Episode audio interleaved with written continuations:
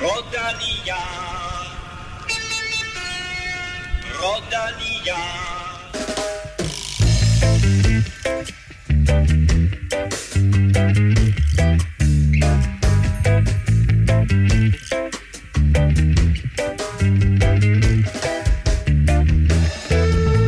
3.405 km ligger forud i den 110. udgave af Tour de France, og for andet år i træk foregår Grand Depart ikke i Frankrig. På lørdag står 176 ryttere klar på startstregen i Bilbao, og i dag giver vi dig det fulde overblik med fokus på de 22 hold, stjernerne, favoritterne og naturligvis danskerne. I alt er 11 danske ryttere udtaget. Det er en tangering af rekorden, og dermed velkommen til to, som altid er udtaget Kim Plesner og Stefan Johus. Tak for, tak for det. Kim, 11 danskere. Det blev mm. ikke til rekord. Du var oppe og gætte på en 13-14 stykker. Det blev vi 11. Det er en tangering af rekorden, men det er altså stadigvæk rimelig imponerende. Det er imponerende, og det er bedre end Norge. Så, øh, det er bedre med? Så, bedre end Norge, så, den er, så der er det første flueben. Ikke? Nej, jeg synes, det, det, det er fint. Jeg så også lige listen over det. Hvad er det? Norge, Danmark og Australien har flere rytter med end Italien. Og det er jo sådan den, wow. den, den store nation, som øh, virkelig har været ude for en, en derute. Og hvis vi havde fået de der 13, 14, 15 stykker med, som vi kunne have drømt om, så var det kun Belgien og Frankrig, der havde overgået os. Men jeg, jeg synes også, det handler jo også meget om, hvad det er for en kvalitet per rytter, mm. vi har med. Og der er den altså helt op at ringe. Ikke? Altså vi har jo øh, den forsvarende mester, vi har øh, vinderne af Dauphiné, vi har vinderne af Schweiz rundt, vi har en tidligere verdensmester, vi har to, der har vundet etaper i alle tre Grand Tours, vi har verdens bedste lead-out-rytter, vi har tre tidligere dobbelte etapevinder i turen, og øh, vi har den tidligere vinder af Flandern rundt med, og så har vi bjergkongen for Paris-Nice. Det er også, det er også van, van, vanvittigt line-up. Ja, det, det, det, det synes jeg også, fordi du kan jo teknisk set godt have 10 rytter med, der så bare er, er lidt det tynde øl eller hjælpe rytter. Ikke? Når Kim nu liner det op på den der måde, Stefan, jeg tænker tilbage på, at vi havde fire etappesejre sidste år. Hvor mange får vi så i år i turen? Jamen, jeg har svært ved at tro på, at det ikke skulle blive øh, mindst lige så mange, øh, egentlig. Øh, og lidt som, som Kim også er inde på, så det er ret imponerende, at der er ikke, det er ikke noget, altså de rytter, der kommer med, der er ikke rigtig noget fyld. Altså der er ikke noget sådan, jeg tror, det eneste er, at det er måske Christoffer Jul, som er sådan en meget bunden opgave. Mm. Altså sådan, og har haft det i lang tid. Der er ikke så meget øh, med ham. Selvfølgelig også, Mørkøv har også en meget bunden rolle, ikke? Men, men, øh, men det er alt sammen nogen, som, som øh, næsten alt sammen nogen, som skal ud og jagte et eller andet, ikke? og har en god chance for at, at gøre det. Så, øh, altså jeg tror, der er jo mange, der er bjergetapper, og hvis vi har den stærkeste klatrer, umiddelbart, Jonas Vingård. Så de seks bjergetapper, der er, hvor det sådan slutter mere eller mindre opad, der er selvfølgelig også Col de la Loge, som lige har en lille nedkørsel sådan, men hvor at det bliver afgjort på et kæmpe stort bjerg. Dem er der jo seks af, ikke? så hvis, mm. hvis, hvis Jonas så også er den stærkeste, øhm, og har lidt af den der grådighed, som vi har set ham have, øh, særligt i år, ikke? i tid, tidligt i år, så, så kunne der jo meget vel ligge to-tre stykker bare til Jonas Vingård. Øh, så, så derfor tror jeg også, at, at at komme op på fire eller mere end det, det, det er rimelig realistisk.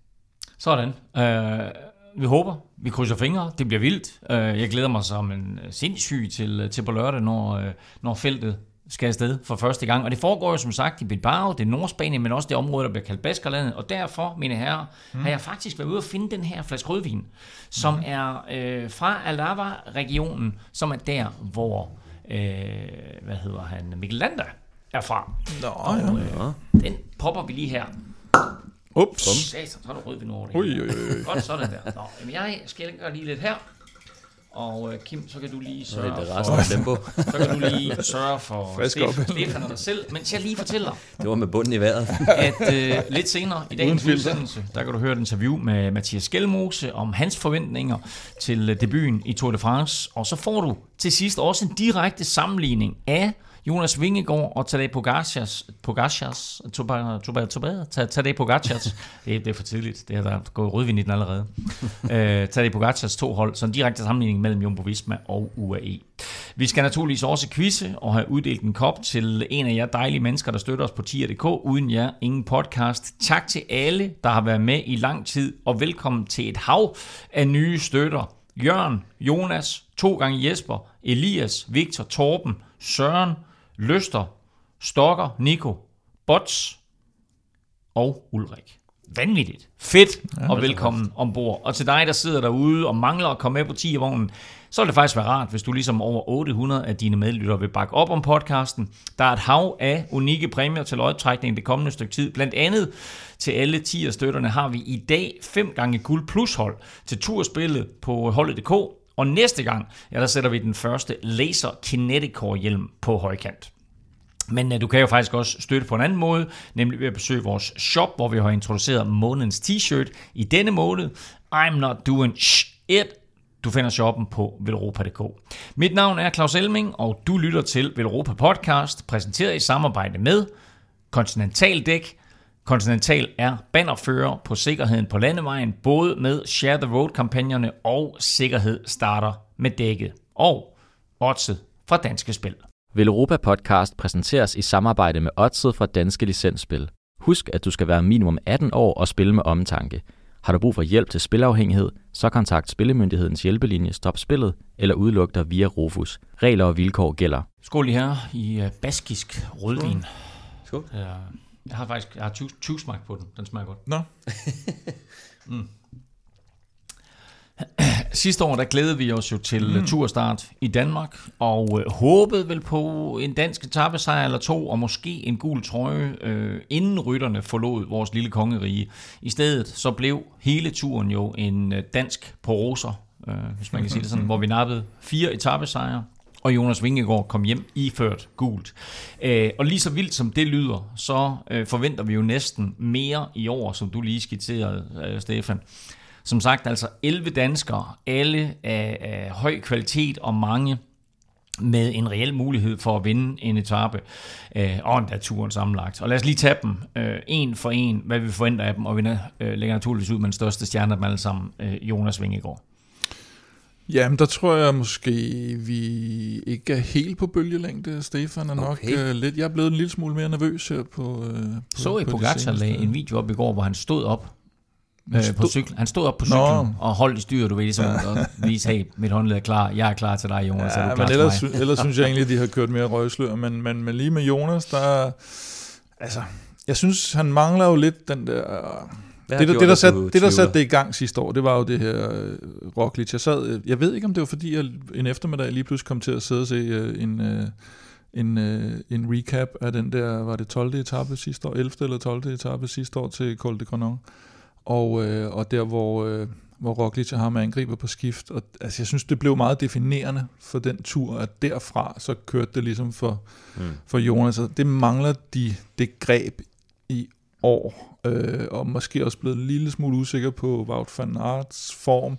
Så jeg synes, øh, der er sådan lidt ting, og, og starten ligger godt til Pogacar og sådan noget, hvis hans håndled bare er nogenlunde i orden. Så, så jeg er blevet sådan lidt mere, ikke at jeg øh, tror, Pogacar vinder øh, ubetinget, men, men at de bliver mere lige måske, end Stefan gør. Nå, okay. Ja. Så det var sidste års Tour de France, øh, du, du kiggede ned i og tænkte? Ja, men det, ja. Ja, okay. Altså, jeg... Øh, du er stensikker? Ja, altså, han har ikke, øh, han har ikke gjort noget i år, der får ja. mig til at tvivle på hans niveau. Altså, øh, både i forhold til, at... Øh, altså, tænker altså, han vandt Dauphiné, han vandt øh, Baskerland rundt. Øh, så var det lige den der Paris-Nice-ting, og ellers så vandt han uh, Gran Camino. Ikke? Så mm. sådan, hver gang han har stillet op, så har han gjort det, så har han gjort det rigtig godt. Og på alle de performances, han har lavet, og de udregninger, der er blevet lavet, så tyder alt på, at han er bedre end sidste år. Ja. Og øh, jeg har svært ved at forestille mig, altså Pogacar så jo også ud til at være bedre end nogensinde, da vi så ham i, i foråret, men, mm. men den der lille skades øh, ting det er jokeren, det er det, der og det er, jo det, det er jo det, der afgør ja. så meget, og de har også været ude og prøve at spænde det lidt positivt, og han har ja. været ude at sige, at den her lille pause, han har haft, øhm, mm. den har måske endda gjort ham godt, fordi at han, altså, han, han nok havde haft brug for den pause, og ja. som, han ville ikke have taget den, hvis ikke han havde øh, noget galt. Men, og samtidig så laver de jo en klassisk spin med at lægge al favoritværdigheden over på Jonas Vingegaard. Mm. Ikke? Altså mm. pludselig, pludselig bringer han jo skaden selv i spil. Jamen Jonas er favorit, og jeg har bøvlet lidt med den her skade. Og det er jo genialt, fordi han jo siden han vandt i 2020 ja. har været favoritten, og det var overraskende, mm. Jonas vandt sidste år. Nu lige pludselig er Pogacar med til at spille Jonas ind som favorit, for måske at tage lidt af favoritværdigheden væk, væk fra ja, sig selv. Ja, der, der har han jo aldrig været Jonas, for sidste år var han jo på Præcis. ingen måde favorit heller. Ja. Øh, plus at han delte kaptajnrollen med Roglic. Nu ligger alting på Jonas. Mm. Altså det er, og, ja. han, og han er favorit, fordi netop på grund af den håndskade. Hvis ikke håndskaden havde været der, så, så vil man sige, så var de nok lige. Men den der håndskade ja. gør, at på papiret af Jonas, jeg er bare en lille smule nervøs for, eller vi får svaret lørdag, kan man sige, nærmest allerede, fordi der kommer de der stigninger, og der, altså, hvis Pogacar godt kan stå op i og, og, og, hvad hedder det, og have ordentligt fat i styret der, så ligger der altså både nogle bonussekunder og nogle ting og, og venter på ham der, der godt kan, måske godt kan blive, kan blive lidt for afgørende. Ja. Og så har vi selvfølgelig etaperne senere, hvor det sådan, at vi kommer op i højderne, hvor øh, Jonas' fysik mm. øh, og hans evne øh, til at optage ilt øh, i højderne angiveligt er bedre end Pogacars. Så det, det er der, hvor tror, de altså, store slag også kommer til at stå. Jeg tror også, altså jeg ved ikke, om, om det er sådan noget, øh, der bare er medfødt, eller, eller om det er noget, vi har set, fordi at Jonas han har været i bedre form end Pogacar øh, på, på lange. Det er jo, han er også noget om træning, altså hvordan man, mm. er, man har trænet sig op til, til nogle cykelløb, hvor at, jeg tror, at den måde Jumbo Visma og Jonas har trænet på, har været meget fokuseret på Tour de France, hvor man så også træner lidt mere øh, i forhold til de bjerge, man skal køre, hvor Pogacar, han har måske flere cykelløb og flere endagsløb øh, med punchier stigninger, hvor at det er jo mm. så det, han fokuserer på, at det han vinder sin cykelløb på. Øh, så jeg tror forberedelsesmæssigt, at det er noget, der også viser sig, fordi de, jeg tror fysisk er de meget lige, øh, mm. men det er så træningen og dedikationen, der, der, der afgør de sidste procenter. Ikke? Øhm, og så er Jonas han er også meget mere på højdetræningslejr, hvor man så også øh, vender sig til det, øhm, og, og får de fordele ud af det, hvor at, at øh, Pogacar, han, øh, altså han, ikke fordi ikke, han ikke er på højdetræningslejr, men i en meget mindre grad end, end Jonas Vingegaard. Så jeg tror, altså, øh, jeg tror med alt presset, det tror jeg, det, det er den sjove ting, eller den interessante ting, at mm. der er meget mere pres på Jonas. Han er ene kaptajn, kæmpe favorit, øh, sidste års vinder. Så altså, det, bliver, det bliver udfordringen for ham, og Pogacar han øh, kan blive rigtig farlig, fordi at der er intet pres, så alt positivt han gør, der vil blive rost til skyerne, øh, hvis han ikke bliver, øh, altså hvis han ikke øh, taber turen inden for den første uge, ja, ja. så tror jeg, at alle vil være sådan, ej, hvor er det sindssygt, og den hånd der, og sådan noget, ikke? Så jeg ja. tror, han får rigtig meget, kan man sige, positiv øh, opbakning. Ja. Det var en, en lille snak om Jonas Vingegaard, som jo øh, omgående åbnede for den her øh, dialog, som vi kommer til at have rigtig, rigtig mange gange, nemlig tvekampen mellem Jonas Vingegaard og Tadej Pogacar. Vi går videre i danske rækkefølgen og øh, tager en anden her, som vi har kæmpe forventninger til, Mads Pedersen Kim. Ja, der, der er en del etapper, der ligger meget godt til ham, også fordi der, der ikke er så mange af de der sådan ja, et par stykker, men øh, de der helt flade, øh, nogle af dem har lidt, øh, lidt krøller på, selvom det kan, det kan ende i en, i en spurt, og, og der er masser god, specielt 8. etape har vi jo i vores tur gennemgang allerede fastslået også skulle være, skulle være en dag for ham. Og, øh, og så kunne man måske forestille sig, at han øh, vil prøve også at gå efter noget grønt, trøje i, øh, i Tour de France. Han havde held med det i Spanien, må man sige, og, øh, og, og gik også efter det i Giroen. Men øh, men den bliver svær selvfølgelig, den grønne, tror jeg. Men etappesejr, der, der skal han næsten i hvert fald have en enkelt med hjem, ikke? Det tror jeg. Hans holdkammerat, Mathias Skelmose, øh, Danmarks nye stjerneskud, og øh, som vi har talt om et par gange her i Europa Podcast, pludselig en klassementsrytter, der bliver talt om i top 10 i Tour de France sammenhæng, og faktisk nogle steder også i podiesammenhæng. Altså Stefan, ja. hvad kan det blive til for, for Skelmose? Jamen jeg tror, det der er så spændende ved ham, det er, at øh, hans topniveau, altså øh, det berettiger faktisk også en, en, en øh, top 5 øh, placering i, i Tour de France. Og øh, bare for et år siden havde vi slet ikke set den komme jo. Altså, øh, mm. Så øh, jeg synes, lige pludselig, så har vi bare fået en dansker mere, der altså bejler til et topresultat i, øh, i Tour de France. Ikke? Og øh, det synes jeg er spændende. Altså han så ja, topniveauet er der. Øh, han er jo, altså noget af det, han har kørt i år, altså det er jo, altså nu blev han jo selvfølgelig øh, nummer to i Flash Vallon øh, bag Pogacar. Øh, så allerede der tænkte man jo, hold da op. Altså, han, og han lukkede jo ind på Pogacar til sidst, hvor man tænkte, kan han, altså er han så stærk, mm. at han kan sidde med Pogacar på en stigning. Ikke? Altså, det er jo noget, som og, vi meget på, sjældent vi, ser. Vi, vi, vi, talte jo lidt om det dengang, og faktisk ikke nok, fordi vi ikke var klar over, hvor stort et gennembrud Skelmose han ville få i år. Mm. At i af den ugen, der er han den eneste rytter i hele feltet, der ender i top 10 i alle tre løb. Mm. Mm. Altså af alle i ja, hele verden. Ja. ja, og, det, og, og, og det er ligesom om, at det er der, hvor det måske går op for os. Altså okay, han har et, han har fundet formen, og han har måske også fundet det der niveau, det kræver for at være med øh, helt i toppen. Ja, altså, og det er jo sjovt, at, øh, at vi snakker om, at hans sæson i år har været så vanvittig og så stabilt højt niveau gennem hele sæsonen. Mm. Øh, og så alligevel, øh, når vi snakker om, øh, om Skelmose i, i Grand Tour sammenhæng, så det han bøvler mest med, det er stabilitet og restitution. Øh, og det kan man sige, jeg synes, han har taget det skridt for skridt i forhold til at blive en, øh, en, en, en kan man sige, en fuldendt cykelrytter og en, øh, og en Grand Tour øh, rytter. Øhm, men det han mangler nu, det er netop stabiliteten. Og han fik jo et hak i tuden sidste år, da han prøvede kræfter med, med Giroen, mm. hvor at, øh, det var tredje etape. Allerede der, der øh, var han i kæmpe problemer på Mount Etna, øh, og måtte have hjælp af, af Bauke Mollema, og blev virkelig sådan, øh, altså det var virkelig et, mm. et, et fald, øh, hvad hedder det, med, med forhåbninger om, om noget helt stort, og så faldt det til jorden med det samme, og blev en rigtig lang og tung øh, Giro for ham, ikke? Så, men, men ja, så det, det bliver spændende at se, hvad han kan. Øh, jeg tror, at det bliver en øh, lærerig proces for ham. Og så, altså, så, så, så er der ikke noget galt med at drømme om, om en top 5 til, til Skelmose. Nej, men jeg håber, at han, eller det, jeg både håber og tror faktisk, at, at han går ind med det til sådan netop det der med at lære. Altså at, at tage det som, ikke så meget som sådan en målsætningskamp med, at han skal køre podie eller top 5 eller top 10. Selvfølgelig vil han gerne det, og det vil alle jo, og det vil vi også gerne, han gør. Men, men det der med at finde ud af, hvor står jeg egentlig henne af her? Hvor langt er jeg kommet på det år her? Mm. I forhold til, nu har jeg lavet alle de der gode resultater, men hvor langt er jeg kommet i Grand Tour sammenhæng? Mm. Øh, starten ligger rigtig godt til ham. Det er nogle af de to første etaper, nogle hårde og svære etaper, men ligger super godt til ham. Det, der bliver øh, første test, det bliver jo selvfølgelig Pyreneerne. Fordi der kommer, kommer det der sådan lidt Grand Tour terræn, han så skal ind i hvordan kommer det til at gå i forhold til netop mm. Etna der, hvor han, han gik ned med det samme. Klar han sig så igennem det, hvad så? Øh, så, så, skal vi, så kommer der de her mellemetapper, og så skal vi over til alberne, og så kommer hele det her udholdenhed lige pludselig i spil. Mm. Så øh, forhåbentlig så, så længe som muligt, men, men jeg håber lidt, han går ind med sådan, uh, uden, ud, det ved man jo med Kim Andersen, hans sportsdirektør, uden for meget pres, og som en læringsproces, og så ligesom, ja, sidde med, så længe det går. Jeg tror også, altså, for lige at, øh, at lukke den af, altså han har været i form, øh, han har været i stor form siden februar.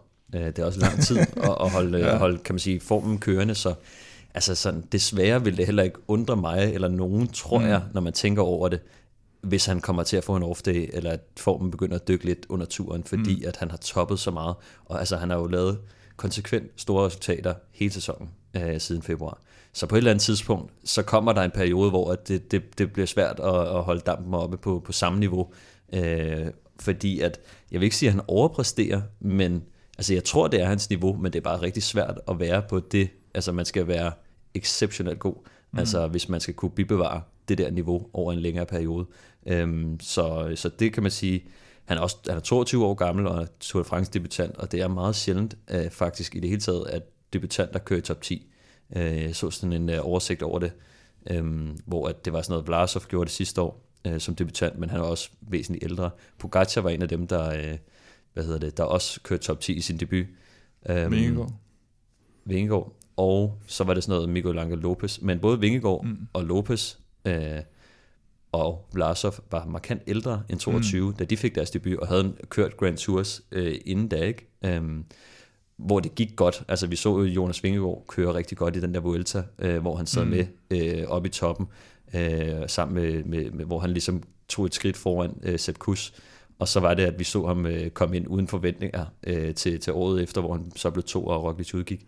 Øh, men ja, jeg tror, det, øh, det bliver rigtig, rigtig spændende at se øh, med, med Skelmose, men jeg, man kunne godt frygte lidt for en off-day, og øh, altså, det vil ikke gøre noget som sådan, øh, fordi at han har vist nu, at han har niveauet til at, øh, at køre med i toppen af Tour de France, så jeg håber egentlig bare, at han kommer til at vise det, og man så får en off-day, og, og at top 5 glipper, øh, eller han ikke får den top 10, som, som virker meget sikker egentlig, øh, hvis, hvis han gennemfører turen. Så øh, altså ja, det, det, det tror jeg, det bliver, det bliver bare spændende at, at se, hvad det, hvad det kan blive til øh, i år, men der er ingen tvivl om, at han, kunne, altså, han kommer til at blive en, en, en top 10 mand fast i, i de Grand Tours, han stiller op i. Og du kan øh, som sagt høre meget mere til øh, Mathias Skelmose lidt senere i, øh, i udsendelsen her. I uh, Giro d'Italia i maj, der skete der noget stort set med danske øjne, fordi Mads Pedersen han vandt uh, en etape i, eller kan fuldførte sit uh, Grand Slam, uh, Grand Tour Grand Slam ved at vinde en etape i både uh, turen, Vueltaen og Giroen. Og det samme gjorde Magnus Kort. Uh, og Magnus han er også med her i uh, Tour de France, og efterhånden der forventer vi jo lidt, at han bare øh, vinder en etape. Ja, absolut. Og øh, alligevel er han sådan flået lidt under radaren her i optagen, fordi nu har vi haft hele den her skældmose-hype. Vi har jo Jonas Vingegaard, der vandt sidste år. Vi har Mads P., vi skal holde lidt øje med os, og der har været alt det her med udtalelser. Der. Altså, det er jo egentlig ikke så meget, vi har snakket om Magnus i, i selve optakten. Og, øh, og de to første etaper ligger ikke så så dårligt til ham faktisk. Han bor jo selv nede i Andorra, bor lige ved siden af, af Baskerlandet der. Øh, han sagde så til mig her den anden dag, at øh, etape 1, den bliver sgu nok for hård for ham, ikke? Ligesom, øh, ligesom Mads P. også har sagt. Øh, men toren, det, det er heller ikke helt umuligt, fordi den øh, sidste stigning er ikke, ikke så barsk og så stejl, så, så der er mange, der, der kommer i spil der. Og så har vi jo sat kryds, eller du har i hvert fald sat kryds, var det godt, øh, 12. etape øh, til Beaujolais, som, øh, som du mente, der, der stod overskæg på. Det synes jeg helt sikkert. ja. det, det, det, det ligner sådan en, øh, en, en Magnus Kort etape. Øh, næste dansker, som også er fløjet lidt under radaren, og som vi har savnet lidt de helt store resultater af, siden han vandt to etaper i turen i 2020, det er Søren Krav. Ja, altså han kommer jo for at jagte øh, etapper i Tour de France. Altså jeg har relativt øh, høje forventninger til, øh, til Søren Krav, og i forhold til at tage en, øh, en etape. Altså øh, det eneste, som kan man sige, bekymrer mig en lille smule, var, at, øh, at han fik krampe til DM. og, og, og, kan man sige, og efter han havde kørt et rigtig aktivt og flot cykelløb, øh, at, at det så var en krampe, det, det endte med. Det kan jo ske på, på varme dage og så videre, men lidt bekymrende tegn i forhold til, at øh, det kan godt være, at der er flere rigtig dygtige rytter og, og formstærke rytter, som Skelmose er i øjeblikket, som også kommer til, til Tour de France. Ikke? Så, øhm, at, at han bliver, kan man sige, plantet så eftertrykkeligt på mm. dansk terræn, er måske en lille smule bekymrende. Men når det så er sagt, så har han også haft et øh, sindssygt stærkt år, hvor han kørte stærkt igen i Milano Sanremo, øh, og satte øh, Van der Poel op til, til, til sejren der. Og så vandt han jo Eschborn øh, Frankfurt, efter han også var med i, kan man sige, et stort udbrud, der, der, der holdt hjem, øh, og ikke var sådan et øh, morgenudbrud, der, der bare fik lov at, at sejle. Øh, men øh, men det, der tog han jo karrierens største sejr, øh, kan man sige, ud over etappen i, i Tour de France. Øh, så jeg har, jeg har store forventninger til, til, til Søren Krav. Øh, det har jeg egentlig. Også fordi, at jeg tror, at hele holdet er bygget op omkring Jesper Philipsen og øh, Mathieu van der Poel. Men jeg tror, at Søren er måske den eneste, ud over de to store stjerner, som egentlig nok får lov, og, og som kan gå ud og jagte tapper mm. selv. Så jeg håber også, at de ikke kommer til at bruge Søren alt for meget øh, i, i Nej, efter, efter sine skulle de jo have, det er så et stykke tid siden, skulle de jo have fordelt lidt etaperne imellem, så de tre der, Jasper mm. Philipsen, Van der Poel og Søren Krav, hvor, hvor Søren Krav selvfølgelig får udbrudsmulighederne formentlig, og, og Van der Poel de her mere puncheur afslutninger, og så øh, Philipsen sprinterne, og og det man jo har set i foråret er jo også, at Van der Poel er jo ikke bleg for at køre lead-out for, uh, for Jasper Philips. Altså et, ja. et luksus lead-out, kan man vist roligt kalde det. Ja, det hvor, hvor han sådan næsten selv kan tage den, og så siger, Nå, men du kører lige de sidste 50 meter over stregen, så værsgo. Så ja, det bliver, det bliver spændende. Vi har en bjergrytter med. Det har vi, ja. Det, det er din joke, Kim, ikke? Mikkel Bjerg. Oh. Øh, som jo er en af de få, vi vil godt kan sige, vi ikke forventer os en etappesejr af. Øh, han kommer i hvert fald kun i spil til en etappesejr, hvis Pogacar han ikke gennemfører. ja, man må sige, det er en relativt bunden opgave, og øh, han bliver sindssygt vigtig øh, på, på, i det flade terræn for, for Pogacar, sammen med øh, den norske, norske holdkammerat Vegard Starke Laringen, og så selvfølgelig vejkaptajn øh, Matteo Trentin, som kom med her i sidste øjeblik, eller hvad skal man sige. Det var i hvert fald ikke ventet, at, at, at han var, var, var den sidste rytter. McNulty øh, røg ud, og Tim Vellens blev ikke klar. Men, øh, men netop Trentin tror jeg så bliver, bliver rigtig god, og også for Mikkel og, og Laringen, at de har så rutineret en, øh, en øh, hvad skulle jeg sige, felt, feltmarschall, hvad er det, det, hedder, med feltmarschall, øh, der, der kan styre det på, på det flade terræn, hvis der kommer sidevind og, og alt det her. For det er, det er nogle gange der, det, det jo går galt. Ikke? Man så sidste år med Jonas Vingegaard i, med det der cykelskifte også, og sådan noget, i sådan et, øh, hvad skal man sige, nu var det godt nok Arnberg men det var stadigvæk sådan et terræn, hvor man tænker, der sker ikke noget. Og øh, der er det altså godt at også have nogle, nogle tunge drenge med en stor motor, og det, det har Mikkel Bjerg. En anden, vi heller ikke forventer, vinder etapper i årets Tour de France, men øh, måske er med til at sørge for, at hans hold gør, det er Michael Mørkøv. Ja, og så Mørkøv kommer selvfølgelig med, med en ekstremt bunden opgave i, at han skal være lead-out for, for Fabio Jacobsen. Og øhm, altså, man kan jo håbe, at det går godt. Altså, jeg synes altid, det er interessant at se øh, kan man sige, sprinterne, når, når Mørkøv er der, fordi at når han gør sit arbejde, øh, og det lykkes, så plejer det at se rigtig, rigtig smukt ud, øh, den måde, han ligesom øh, øh, gør arbejdet færdigt på. Øh, det plejer sjældent at være med sådan en øh, hiv og flå og ren råstyrke. Det plejer at være rigtig meget snille og positioneringsevne, som jeg synes er... Det ser så frygtelig elegant ud, når han lige ja. sådan defilerer ned og op igennem feltet og sådan lidt. Præcis. Altså, det, det gør det virkelig. Og øh, det, det, man kan sige øh, med Michael, det er jo, jeg synes historien er, at han har haft en knæskade i foråret. Øh, det er meget sjældent, at, at Michael Mørkøv har haft skader i det hele taget. Men han har haft en knæskade, der holdt ham ude i et godt stykke tid. Og øh, jeg tror, det var i Ungarn rundt, han gjorde comeback. Øhm, og øh, det gik egentlig godt, øh, hvor han kom tilbage og skulle køre sammen med Fabio Jacobsen. Øh, de fik mm. to etappesejre. Og, øh, men, men hans skade er, er, er Michael på topniveau. Altså er han, er han stærk nok til at også at kunne positionere sig godt nok. Fordi det kræver også en, en ordentlig portion øh, energi og færdigheder at være med fremme i en sprint, uanset om du så bare øh, kan få lov at slå ud med 500 meter til, til mål, øh, så kræver det ekstremt meget at være der. Så øh, lille smule bekymring på, på formen, men han har dog set, øh, set ret stærk ud i, i, i de løb, han har kørt. Ungarn øh, især. Øh, og så er et spørgsmål om, om kan finder han melodien med, med Fabio Jamen, det er nok mere det, ikke? Altså, jo, fordi vi, han sagde det jo også selv, da vi snakkede med præcis. ham. Præcis. De har ikke rigtig fundet den jo. Nej, og, og, og det, at han siger det øh, så direkte. Ja, plus at det næsten virker som om, at Fabio Jacobsen måske heller ikke er super interesseret i det, fordi han surfer sådan lidt rundt i feltet, ikke? Og, og finder selv sin egen, altså, så måske er det, Michael er lidt frustreret over også, at han måske ikke har brug for hans hjælp så meget, mm. når han nu er der, altså her, her er jeg, jeg skal nok, øh, og så ja. kører han bare til venstre i stedet for til højre, ikke? Øh, og det kan også være, det må være rimelig frustrerende, må man sige. Og så er der jo det her med, at han skifter hold, men det er jo en helt anden snak, det kan vi jo tage, når vi kommer til, til altså Fabio eller Mørkøv? Fabio. Ja, fordi ja, jeg også snakke om Mørkøv også gør. Ja, men, det, men, men øh, den, ja. den, den tid, den så, nu har vi lige tre ugers Tour de France foran os, hvor vi håber på at se Mørkøv for, foran Fabio Jacobsen, og så, øh, øh, ja, vi håber selvfølgelig på, at Mads P. og Magnus, de vinder en del etapper, men øh, skal det ikke være en dansker, så er det fint, hvis det er Fabio med Mørkøv foran sig.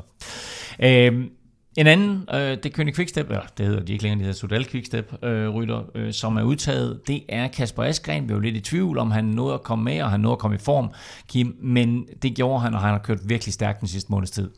Ja, det må man sige, og, og, og som vi har talt om tidligere også, det der med siden Dunkirk, så har det bare været en opadgående formkurve, øh, DM enkeltstarten øh, indtil videre som, som højdepunktet. Øh, linjeløbet blev det lidt en umulig opgave for ham. Han så meget, meget stærk ud, men, men Mørkøv blev sat, og, og Kasper P. styrtede. Øh, men han er jo han er stærk som nok, og selvom han, han får nok en, en lidt sekundær øh, rolle i, i øh, Fabio Jacobsens lead-out, en tidlig rolle, øh, så man må håbe og formode, at de har taget ham med også, fordi han skal have chancen i et, i et af de her, måske de her kæmpe udbrud, der kommer lidt, lidt senere i turen. Øh, og så hvis han fortsætter den øh, formfremgang, så, så skal han nok være der.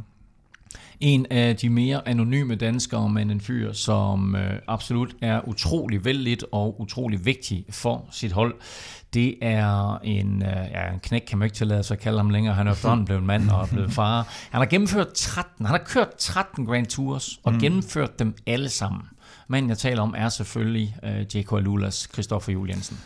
Han er jo, han er jo det sikre kort, som man, øh, jeg ved godt, at øh, i mit, i mit turbarometer havde jeg ham nede omkring en 90 procent eller sådan noget, mm. og, og nu siger jeg nede omkring 90 procent, fordi man, man ved jo, at til sidst, så, så er Christoffer Juhl bare på startlisten, uanset hvordan, hvordan øh, rygterne har været op til. Fordi som sportsdirektør der, der, og som holdkammerat, der ved du, hvad du får. Altså du får en øh, dedikeret indsats igennem hele løbet. Du kan bruge ham til rigtig mange ting. Han er faktisk også okay til at køre sådan middelgodt opad. Øh, han kan også ligge og tage det her deciderede... Nå, men altså sådan, sådan ja, mellem, mellemetapper, ikke? Bare Og, og, og, og, og hvis der bliver brug for, at der lige skal jagtes noget ind til sidst, hvis Røvnevæggen skal op og have en spurt, og, og de skal til at tage noget ansvar, så, så kan han også sættes op i det. Men han er ikke, sådan, han er ikke den første, der bliver sat ud som, som frontsvin, kan man sige, for typisk nogle sådan lidt, lidt vigtige opgaver, altså hvor, hvor det er lokummet brænder, eller de skal gøre et eller andet. Og så har de jo også Simon Yates, som han øh, formentlig skal, skal sidde og passe på. Øh, også en rytter, der er gået lidt under radaren, og, og bliver spændende at se, hvad, hvad, hvad de egentlig vil med ham. Og, og J.K. Alula er jo ikke dem, der får det største ansvar. Så, øh, så, så, Men man kunne godt frygte, hvis Kronevæggen han viser sig at være den hurtigste, at de så er det klart, til at få, så, så, altså, så skal de nærmest lægge en to-tre mand op foran, ikke? Og, ja. og, og, og tage det ansvar, for så, siger, så er det typisk de andre hold, siger, at han vinder alligevel, så hvorfor skulle vi køre ham? Ja, ja. hvorfor skulle vi køre ham altså, vi, får, vi får se, hvordan de selv føler, at deres position er på tredje etape, om det er ja. dem, der ligesom tager ansvaret. Det, det tror jeg også, fordi de kommer med et hold, øh, der er ud over øh, Simon Yates og er det Chris Harper, tror jeg. Mm. Øh, så alle sammen, ah, der må så Lawson Craddock er, er jo også lidt en, en, en, en sprællebas, ikke? Mm. Men, men ellers mange af dem er, er, er taget med på grund af Kronoviken. Ja. Altså. Vi slutter af med øh, de to Uno X-danskere, Jonas Gregor og Anton Charmik. Øh, Stefan Gregor først. Jamen, øh, han skal jo være en, øh, en, en road captain øh, på, på deres bjergkæde. Øh, og, øh, men han har også sagt, at han skal ud og, og søge nogle udbrud. Og endda også, at, øh, at prikkerne, øh, det, er, det er muligt, at han vil tidlige prøve prikker. at gå efter dem. Det er tidlige prikker.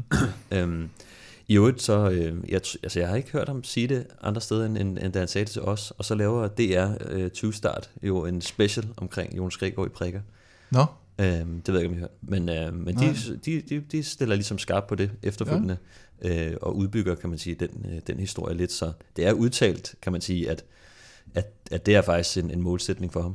Mm. Øhm, så så det, det tænker jeg, det, det er nok hans øh, hovedmål at gå i udbrud, og måske at se, om han kan, han kan få en, en, en prikketrøje. Vi er efterhånden vant til at se en dansker i prikker i Tour de France. Vi er efterhånden også vant til at se Gregor i prikker. Så de to ting kombineret, det giver Gregor i prikker i Tour de France i år. Sidste mand, sidste 11. danske udtagende mand, men faktisk en af de første, der blev udtaget, øh, det er Stefan Anton Charmik. Ja, eller var han en af de første, der blev udtaget? Ja, jeg tror mellem de tre første, ikke? Christoffer Juhl, og så to de to første. Uno X. Uno, X, der udtog holdet først. Nå, ja, okay. Jeg tror du mente Charmik, han var en af de første, der blev udtaget. Det var han jo ikke.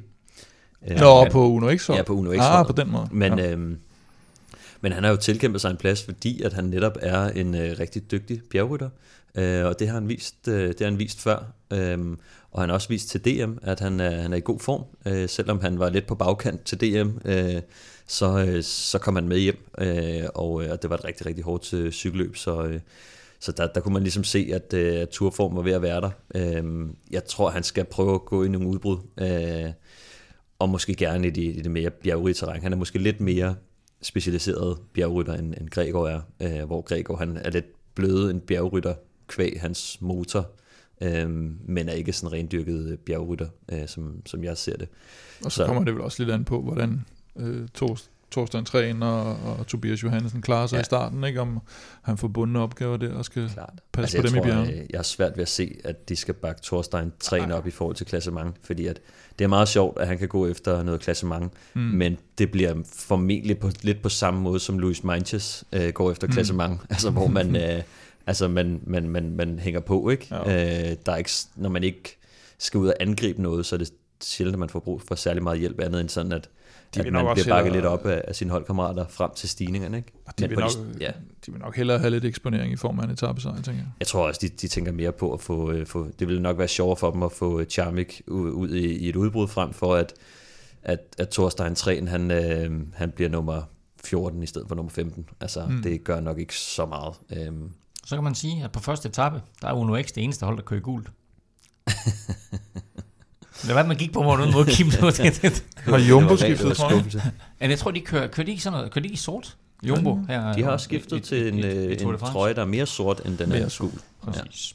Ja. Øh, det var de 11 danskere, 11 ud af 176 rytter, det er altså helt vildt. Det var de 11 danskere, øh, hvordan de klarer sig over og det næste. Og i øvrigt, uh, Uno X, de kører i rødt. Nå,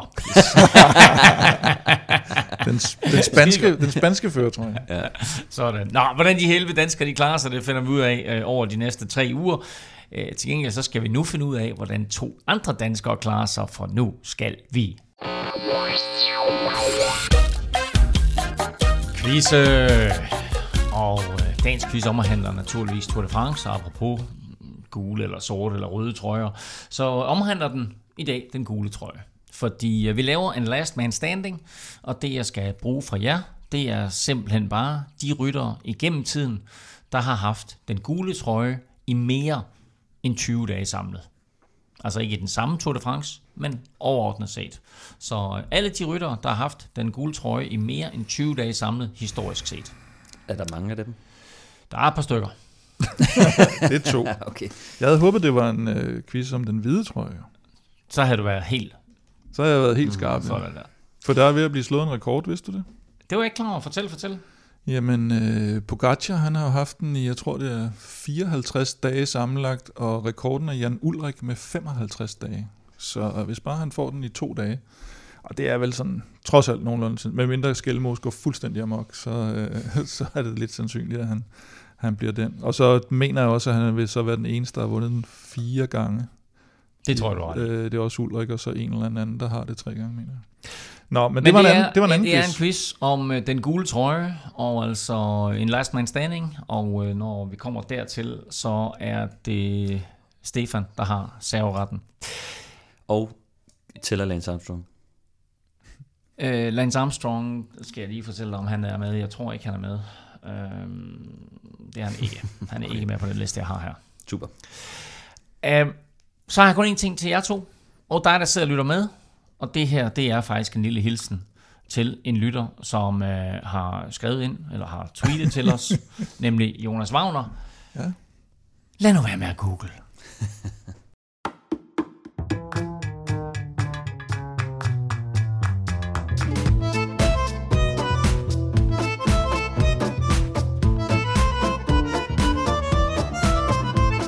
Der er i år 22 hold og 176 rytter med i Tour de France. Det er de 18 World Tour mandskaber og så fire wildcard hold, der alle må tage 8 rytter med.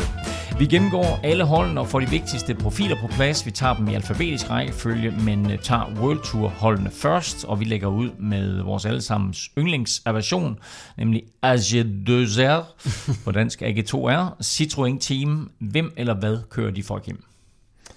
Jeg gætter rigtig meget på, at de kører for Ben O'Connor, som øh, jo tidligere blev nummer 4 i turen, og som sidste år måtte udgå med en, med en skade.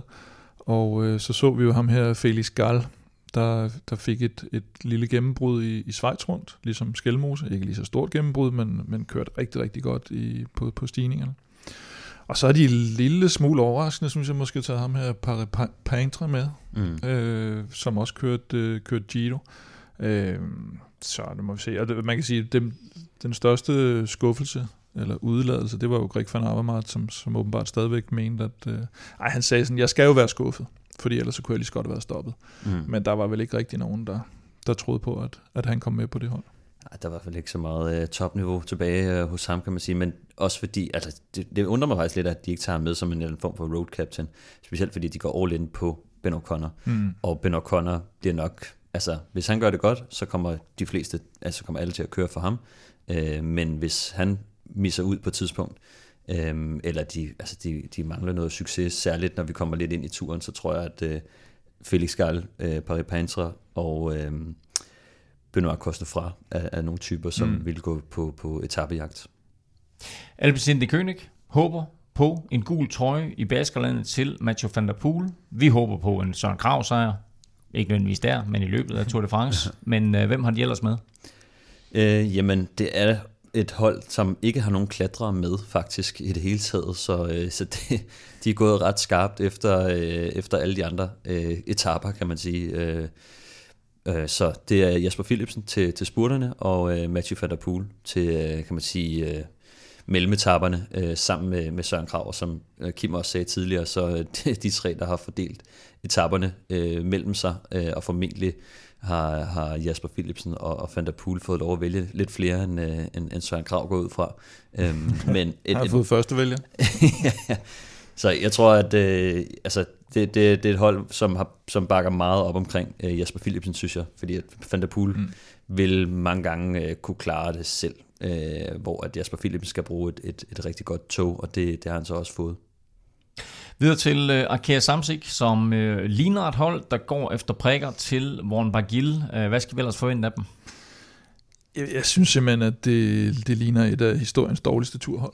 Altså, det, det er virkelig sløjt, det der. Øhm, Anthony de la Place, han skal nok ud og køre i udbrud på omkring halvdelen af etaperne formentlig, men, øh, men ellers så synes jeg virkelig, det, det altså ud over Bagil, så synes jeg virkelig, det er tyndt. Ham der, Mathis Louvel har, har vist, øh, han er et OK talent her i foråret, og, øh, men også Luca Musato, han, øh, han har han er vel deres hurtige mand, og han, mm. han kører sådan 5. 6. pladser hjem i sådan nogle 1-1 løb, så altså, jeg synes sgu det, fordi Bagil er jo heller ikke, hvad Bagil har været, så ej, jeg, jeg har ikke, det, det hold jeg nærmest har mindst forventninger til. Jeg synes også, det ser virkelig mærkeligt ud, og altså, de, nu Quintana er jo væk, han var ellers, øh, kan man sige, deres, deres store navn, ikke? men de mm. har også valgt at lade Nasser Bourni øh, blive hjemme, øh, Hugo Hofstetter, som også måske har været en af deres mest øh, markante navne, også blevet hjemme, og så synes jeg, det mest mærkelige er, med så svagt et hold, at de ikke tager deres måske største og mest spændende navn, Kevin Vakelang, med, som kom flyvende fra start, og som så øh, har været inde i, i, i, i nogle problemer dog, men altså han er tilbage nu,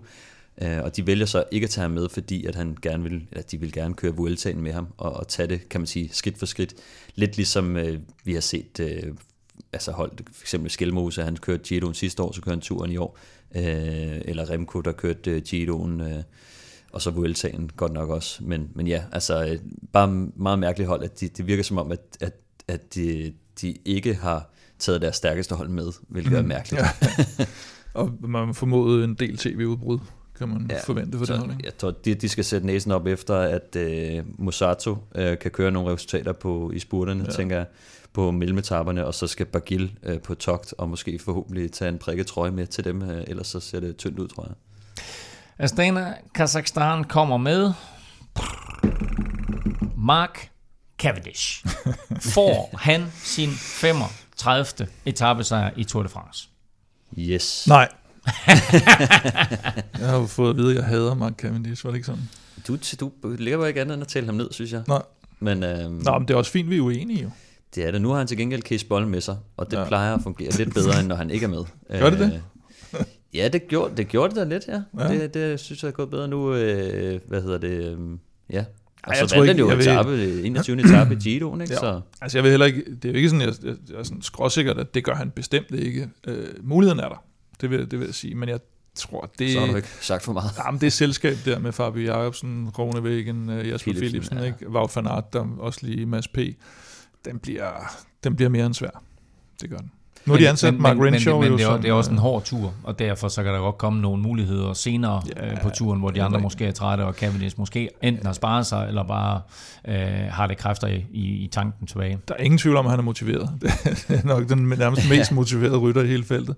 Og så har de fået Mark Renshaw, øh, hans gamle lead-out-mand, har de jo fået med som sådan en... Øh, en øh, sprinttræner, øh, øh, holdleder-type der, så, så de, de går i hvert fald ind på det her. Øh, Astana er ellers et lidt spøjst hold også, men øh, med, hvad hedder det, øh, med Lutsenko vel deres bedste bud på en, en topplacering i klassementet. Altså jeg synes også, det er et mærkeligt hold. Også ærgerligt med, med så mange store navne på, at man ikke er mere op at køre over det hold, altså, som har øh, Luis Leon Sanchez med, som altså har, altså, han har vist rigtig, rigtig stabilt niveau. Det samme med, med David de la Cruz men ikke nogen topplaceringer, og ikke nogen, hvor man, når man ser, cykel, ser cykelløbet, mm. at de rækker ud efter en sejr eller noget. Ja. Altså det er ligesom om, de, de hænger bare på, og så bliver det nummer 19, eller du ved. Hvor, hvor man, og det jo, kan jo på en, på en bjergetappe er det jo ret imponerende, hvis Luis Leon Sanchez han kører en 15. plads hjem, så tænker man, okay, så han, han har så stadig niveauet, mm. men han rækker ikke ud efter en, en sejr på noget tidspunkt. Han er, øhm. man kan jo gøre det som dansker, at nu når Jakob Fuglsang kommer med, så kan man jo lege, at Luis Leon Sanchez er Jakob Fuglsang mm. fra dengang han kørte på altså, de minder jo helt vildt meget om hinanden, når de sidder på cyklen. Mm. Så øh, de to, øh, to af de mest elegante rytter i feltet, så, så, så hvis man... Øh, hvis man er til sådan noget, så kan man jo, så kan man jo lege det, hvis man ikke synes, synes der sker andet Præcis. på Astana. Og så Gianni Moscon, altså, øh, som jo altså er en spøjs fyr. Altså, og, og det, som man tænker med ham egentlig, er, at han er i kontraktår, og han skal med til turen, og man tænker sådan, det burde være sådan et år, hvor han brænder igennem. Ja. Men altså, det, det ligner det modsatte. Altså det ligner nærmest, at han er tættere på at stoppe karrieren. Nu må vi se, det kan være, at han fyrer en eller anden uh, sindssyg etape af, så når han er, ja, når der han er på, ikke været, på udkig øh, efter uh, kontrakt. Der har ikke været tegn på noget som helst, uh, der minder om form i hans sæson i år. Uh, det er... Uh, altså når man kigger ned over, hvad han har, han har præsteret. altså, jeg, hvad det, jeg tror, det er 29. plads i de nationale mesterskaber, der er hans bedste øh, placering. Faktisk. sidste år var ikke meget bedre. Og det, og det er ikke løgn. Altså, Nej. hans bedste placering i år er en 29. plads. Altså, det kan være, at han forbedrer det i, i Tour de France. Nå. Bahrain Victorious kommer med et faktisk ret stærkt hold, men øh, hvor Victorious skal vi forvente Bahrain er? Ja, jeg tror, vi skal regne med, at de bliver sådan rimelig Victorious. Altså, øh, Pelo Bilbao skal, skal starte i Bilbao, så, så hvorfor, hvorfor ikke? Ej, jeg synes faktisk, de har øh, sådan all-round, som all-round-mandskab, synes jeg faktisk, det er et af de, de stærkeste. Øh, Landa, selvfølgelig, min, øh, min podiefavorit. Fred Wright, nykåret øh, britisk mester. Pelo Bilbao, som sagt, på hjemmebane i Bilbao.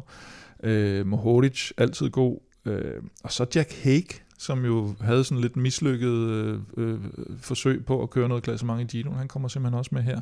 Og det overrasker mig egentlig lidt. Og så har de taget de, de to tyske øh, sprinter med, eller i hvert fald den ene sprinter, den anden lead-out, øh, Phil Bauhaus og Niki Asarnt, hvor øh, Bauhaus nok er den, der skal spurtes for. Øh, ja, der kan man til gengæld sige, at jeg så var Pols den sidste.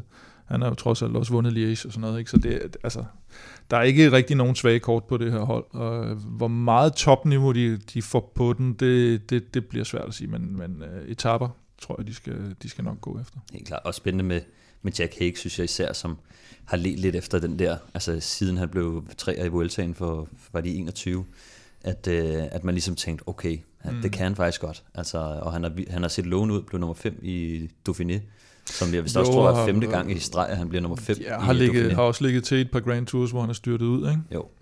Øhm, så bestemt spændende navn, men ja, Lander i, i, i spidsen, øh, og, og som Kim jo har, har, har tippet ham til, en, en, en, en podiekandidat. Ikke? øh, han er i hvert fald en kandidat, så har vi ikke sagt for meget. ja, men virkelig, virkelig stærkt hold faktisk, Bahrain. Jeg ja. tror, de kommer til at være meget synlige. Sidste hold i første sektion her er Bore Hans Grohe. Øh, de plejer jo altid at komme med et øh, stærkt hold, men øh, hvem er stjernerne i år? Jamen, den absolute stjerne er jo Jai Hindley, øh, sidste års Giro-vinder. Og han bliver af de fleste faktisk tippet til at være den her den foretrukne podiekandidat efter Jonas Vingegaard og, og Pogacar. Det vil jeg nu se, før jeg tror det. Øh, for jeg synes, at, øh, at netop det felt, der er bagved øh, Pogacar og Vingegaard, er stærkere, end det har været i mange år. Altså, der er utrolig mange med, så, så, så der må være en, en ret stor del af dem, der rammer en, en høj form, og jeg synes måske, at jeg Hindley, ja, det ved jeg ikke, om han mangler bevis på en eller anden måde, selvom han har vundet Giroen det er lidt, det er lidt frækt at sige. Men, vi, har faktisk, øh, vi har faktisk talt utroligt lidt om, at han rent faktisk er med i Tour de France. Ja. vi har talt om alle andre end Vingegaard og Pogacar, så har vi nævnt en, en hel stribe rytter, mm. men er kommet meget lidt ind på Jai Hindley. Ja. Og han, han er trods alt, altså han er blevet to i Giro d'Italia, og han har vundet Giro d'Italia. Ja, men det er rigtigt nok. Og, har, og øh, han var måske den, der var bedst med i bjergene i, i Dauphiné. Ja. Øhm, og har Mr. Buchmann med, som uh, Emanuel Buchmann med, så nykåret tysk mester. Patrick Conrad, øh, som løjtnant også, og, og, og Bob Jungels og Niels Polly til, til udbrudene, eller til sådan lidt fladere terræn, og så øh, Marco Haller og øh, lead-out-rytteren Danny van Poppel som, øh, som øh, assistenter til øh, sprinteren Jordi Meus. Og nu siger du Jordi Meus som sprinter. Ingen mm. Sam Bennett. Er det ikke overraskende? Jo, øh, det er det, for, øh, fordi at det er... Han skiftede vel for at komme med han tilbage til turen? For, altså, han blev forbigået øh, med quickstep, kan ja. vi huske, øh, hvor at, øh, der blev sagt nogle hårde ting om, at ja. øh, han var ikke bygget til at være... Var det, han, var ikke, han var ikke mentalt, han var ikke mentalt øh, stærk nok, øh, kunne, han nej. var bange for at vinde og sådan nogle ting. Øhm, og der gik, kan man sige, han blev udladt øh, af forskellige årsager måske på quickstep, og skiftede mm. så tilbage hjem til Bora for ja. netop at være, kan man sige, øh, den dedikerede sprinter, og ham, der skulle med til, til Tour de France. Og så bliver han forbigået sit første år, øh, og forbigået i sit andet år, som så er nu, ikke? Øh, så øh, det, er, det er ret overraskende. Altså for få uger siden øh, hørte man øh, deres sportsdirektør sige, at hvis ikke han crashede fuldstændig øh, i, i, i form, øh, og han holdt sig sund og rask og så videre, så skulle han med til turen. Og, øh, og så lige pludselig, så, øh, så, så bliver han ikke udtaget alligevel. Man kan så også sige, kigger man på, hvad han har præsteret, så, øh, så er der ikke ret meget. Øh, jeg tror, at han havde en anden plads i, i Ungarn, øh, Ungarn rundt her for nylig. Øh, men ellers har der faktisk slet ikke, øh, ikke, ikke været noget. Så det, jeg tror heller ikke, nogle gange så sprinter bliver ofte bare bedømt på sejre eller, eller topresultater, mm. men, men han er heller ikke, altså han er jo en rytter, som, øh, som nemt bliver skivet på, på stigninger og så videre, så, så det, hvis han ikke er i form, så, øh, så, bliver, det, så bliver det ingenting øh, for ham. Øh, så, og, og det har han bare ikke øh, vist. Så jeg tænker, en ting er øh, altså, øh, selve udtalelsen af ham, men også det med, at holdet ikke engang stoler på, at altså hvis han siger, at han har trænet mange gange, så er det jo sådan noget med, at så bliver de ked af, fordi så har de trænet specifikt op til turen, og derfor har de ikke kunne præstere. Øh, så, så holdet stoler heller ikke rigtigt på ham, så jeg ved faktisk ikke helt, hvor, hvor Sam Bennett skal, skal hen herfra, men han, han får nok muligheden i, i Vueltaen i stedet for. Øh, det er i hvert fald sådan, det, det er lagt op. I første omgang, der kan han i hvert fald sidde hjemme med benene op på sofaen og se sine holdkammerater køre Tour de France. Nielsen qui va aller la chercher sa victoire, elle est pour qui Elle est pour Schulz Elle est pour Schulz ou pour Magnus Difficile à dire. On sait pas. On va attendre encore une fois la photo finish. Les caméras sur euh, Magnus Kort Nielsen. Georg Zimmermann, lui, Om lidt kommer vi til EF og Magnus Kort Nielsen, men øh, først der skal vi lige omkring Kofidis. 2023 markerer faktisk 15 års jubilæet for den seneste etappesejr i Tour de France for det franske hold. Får, det, de, får, får de en i år? Ja, jeg sad og tænkte på, hvem det var. Om det var ham der Bjerge. Hvad var det, han hed? Det kan jeg ikke huske. Hvem? Jeg tror, det var Sylvain Chavanel faktisk. Wow. Okay, det kan du også. Okay, ja. det er lang tid ja. siden. Altså jeg synes faktisk, det, det hold, de har udtaget i år, øh, er et, et meget spændende hold. Øh, så jeg kunne snilt se øh, Kofidis stå med, med to etappesejre og, og en top 10. Deres klassementshåb er jo Guillaume Martin, som nogle gange godt kan minde lidt om sådan en Louis Meintjes hov, nu skal vi lige huske, hvad han hedder. Hvad han er? Mindkiss? Skal vi ikke bare kalde ham Mindkiss? Skal vi ikke bare blive ved med jo, vi, vi, vi trodser det, og ja. så siger vi bare Mindkiss. Godt den, øh, den køber jeg. Ja, ja. Øhm, jo, en, en, men også en, en rytter, som øh, kører måske lidt mere aggressiv øh, form for Louis Manches, fordi han, øh, han, han ynder og, ofte at gå ud i udbrud på, på nogle af de bjergerige dage og få noget snor, og der på den måde køre sig ind i noget top 10. Øh, og det tror jeg måske også, at det, han vil prøve på i år. Så meget, altså han har en, en, en virkelig god sæson lige nu, Guillaume Tang, så bestemt et, et realistisk uh, top 10 bud uh, til ham. Og så, øhm, ja, og så, altså, han er jo tidligere blevet nummer 8, 11 og 12, øh, så øh, han, har, han har været der før, og det er formentlig noget i samme dur, øh, måske lidt bedre, øh, han, han ser frem til nu.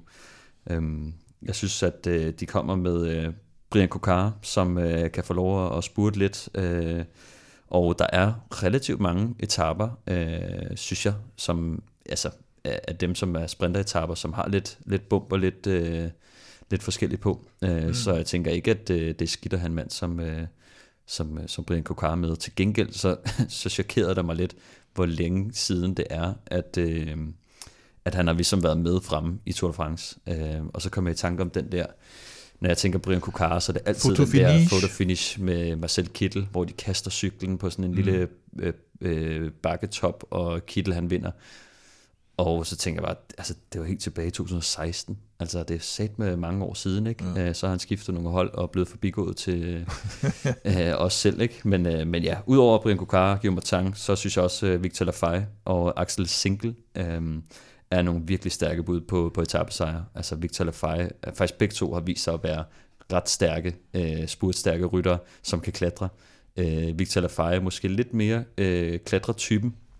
Øh, en single er, men begge to øh, altså er, er nogle virkelig, virkelig dygtige cykelrytter, og, og vigtigt med, med en rigtig god afslutning. Øh, fordi jeg tror, at det, det er sådan nogle typer, som, som meget vel kunne øh, både altså, placere sig godt på første og anden etape, men også er nogle rigtig stærke navne på, på mange af de udbrudsetapper, der kommer.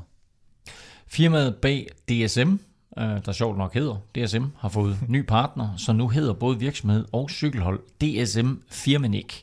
Øh, det skabte faktisk så stor interesse søndag, at deres website gik ned, øh, og sådan rent sportsmæssigt, så kunne det her hold også godt gå helt ned under turen. Ja, altså de kommer med Roma Bardet, som vil forsøge at køre klassement, og øh, det ved jeg ikke, om øh, kommer til at lykkes. Altså, det er jo en rute, der passer ham godt, kan man sige. Øh, hans niveau har ikke, kan man sige, øh, fordret, at man, at man tænker, det er et, et stærkt podiebud, men han har jo været der før øh, på podiet i turen.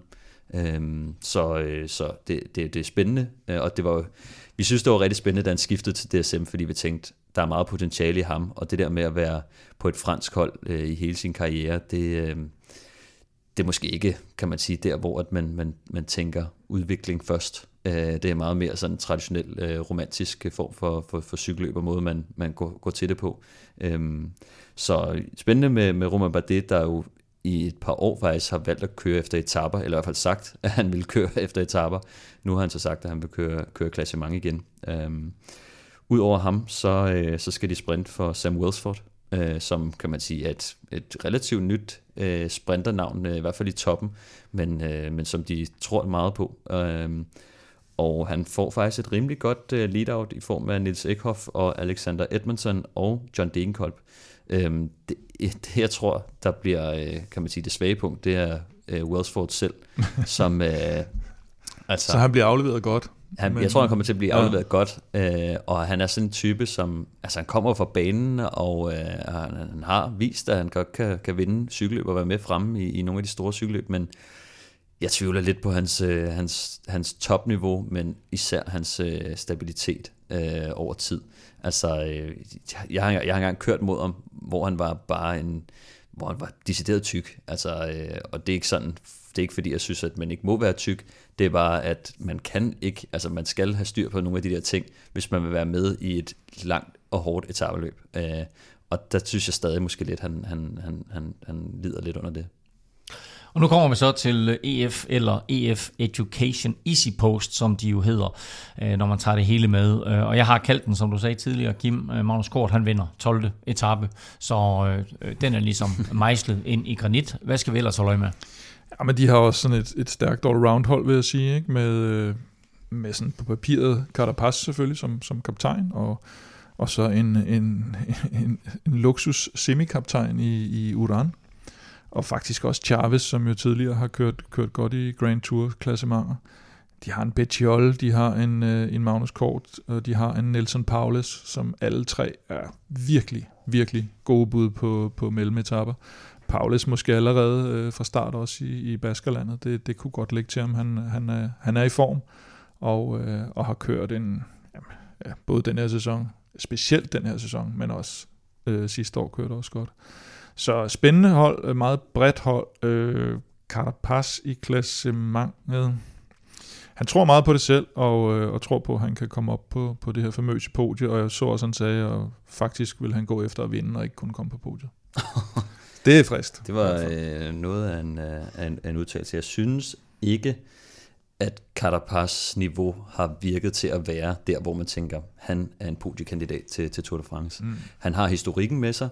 Uh, han vandt det her uh, Mercantour uh, mm. Classic Alp Maritim løb, uh, som jo er et hårdt bjergløb, og, uh, og der var, altså, han, han vandt foran Felix Gall, som vi måske, det var lidt mere overraskende på, på det tidspunkt, men, uh, men, men altså, der var ikke så stor, altså, der mm. var ikke så store bjergrytter med, at uh, altså, det var, men han er øh, også en, der kan gøre det meget godt i, i Baskerlandet faktisk. Det der, altså hurtigt, når han ser målstregen og alt det der. Ikke? Og, jo, altså han og de, de etapper kommer han, øh, kommer han godt over sikkert.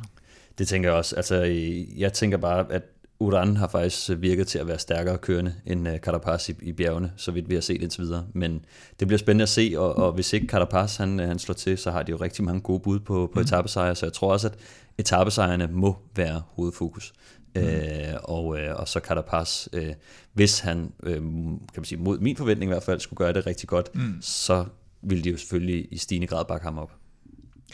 Groupama, Francis Jeux er næste mandskab. De kommer med et øh, par interessante franske ryttere, hvor øh, Thibaut Pinot i prikker vel sagtens er den største dagsorden, selvom øh, David Gody selvfølgelig skal køre klassement.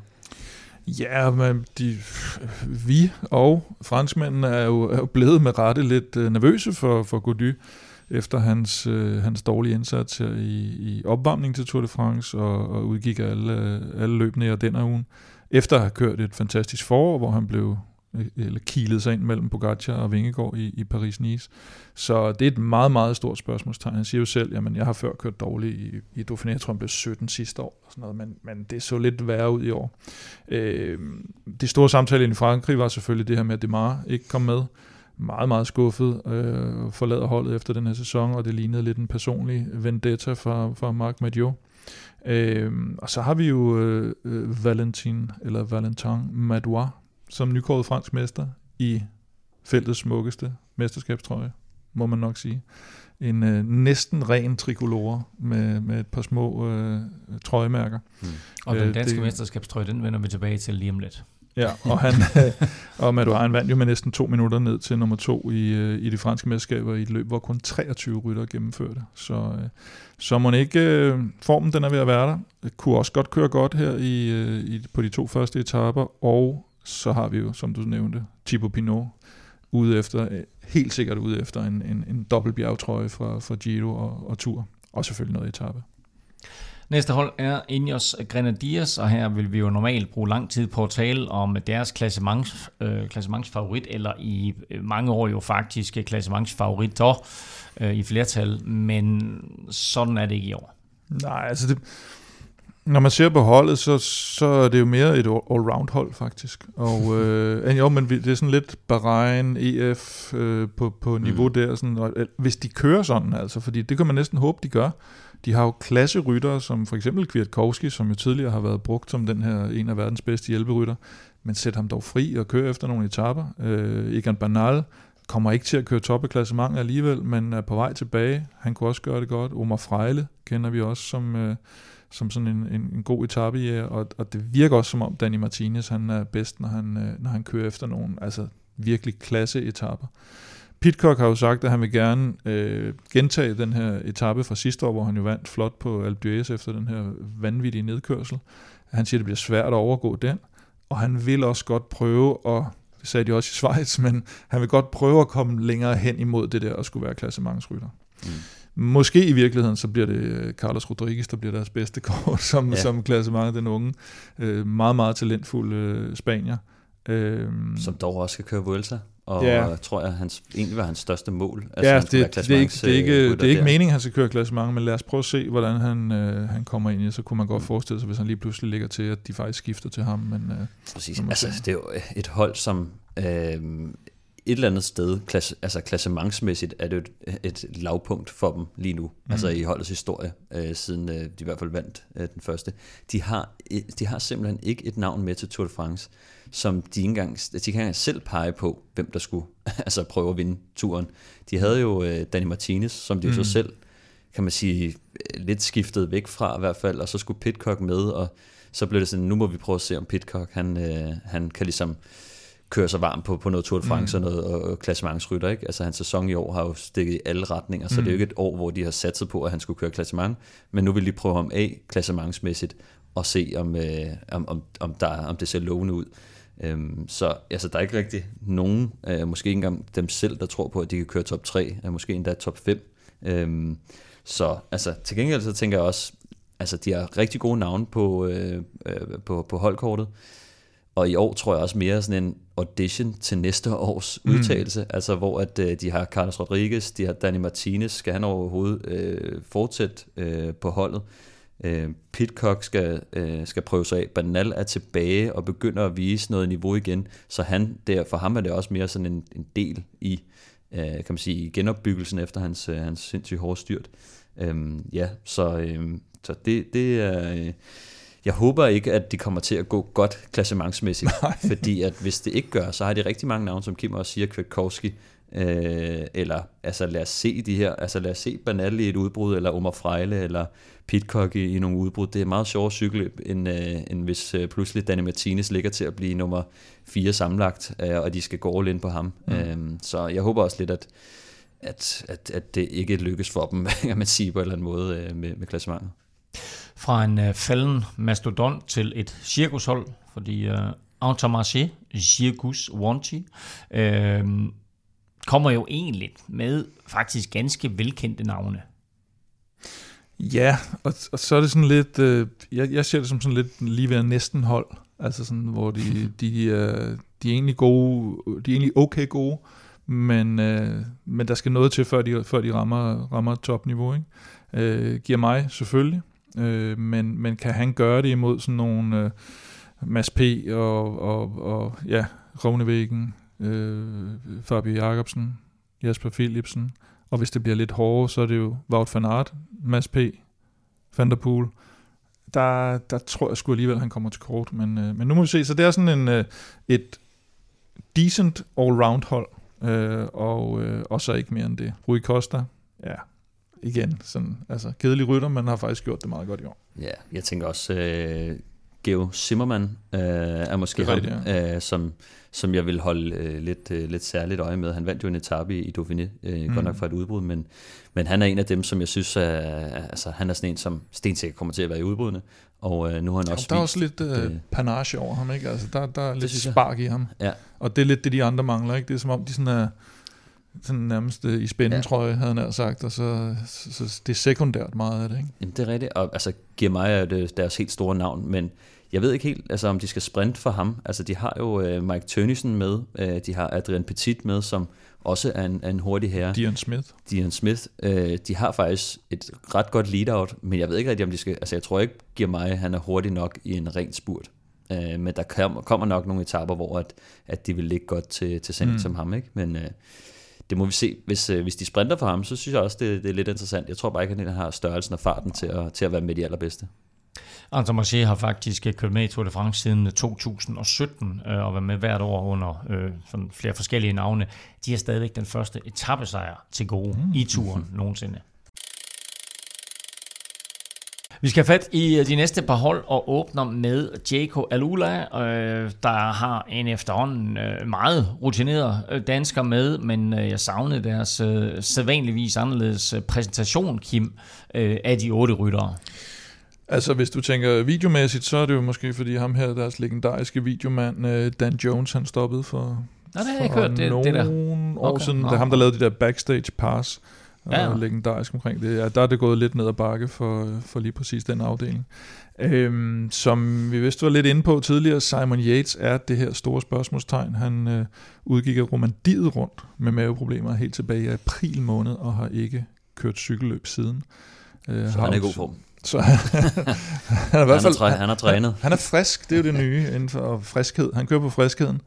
Øhm, han blev fire i Paris-Nice efter, efter den her trio med Pogacar, Gody og, og, og Vingegaard, øh, og har jo tidligere ligget godt til i en uh, Grand Tour, må man sige, og kørt godt i starten og fyret alt krudtet af. Ja, og også vundet en Grand Tour, ikke? Han vundet Præcis, han tog revanche, øh, men øh, man husker specielt den der, hvor han jo... Giroen. Altså den Giro, hvor han, var det halvanden uge inden, eller næsten to uger inden, jo bare havde tørret røv med alle mm. andre. Og så øh, fandt han ud af, at øh, løbet faktisk varede tre uger, og så blev han lidt, lidt småtræt. Men som vi også har været inde på, så Rovnevæggen øh, øh med lead-out for Luka Metskic specielt, og selvfølgelig også, øh, hvad hedder han, Luke Durbridge, øh, det, det store lokum der. Han, øh, det, det, det kan godt gå hen og blive godt. Det ser ud som om, han har ramt en, en, en fornuftig form. Han skal lade være at køre øh, forkert i en rundkørsel, så, så er den der. ja, jeg tænker, at øh, de, altså, det er et hold, som er sat 100% op efter Dylan Kronevæggen, øh, mere eller mindre. Øh, de skal have nogen til at, til at styre et, et udbrud, og så har de Meskic eller Reinders øh, især til, til, til spurten, eller til at, til at køre ham frem til sidst. Øh, så ja, og de har egentlig øh, haft meget godt succes med det. Altså Luka Meskic, han er, han er også i god form, og, mm. og hvad hedder det... Han blev to efter Pogacar. I, øh, han var den eneste, der kunne følge nogenlunde med i slovenske mesterskab. Ja, ja altså, øh, og så ja, han blev to i, var det i øh, Slovenien rundt, blev han to på en etape. Øh, ja, det var der, hvor han, hvor, det var der, hvor, hvor Kronevæggen kørte forkert i rundkørslen. Ja. Men, øh, men ja, altså, 100% sat op, og så spændende, at de lige smider Simon Yates ind, synes jeg. Altså, men en mand, som altså, har været tæt på at vinde Giroen, har vundet Vueltaen.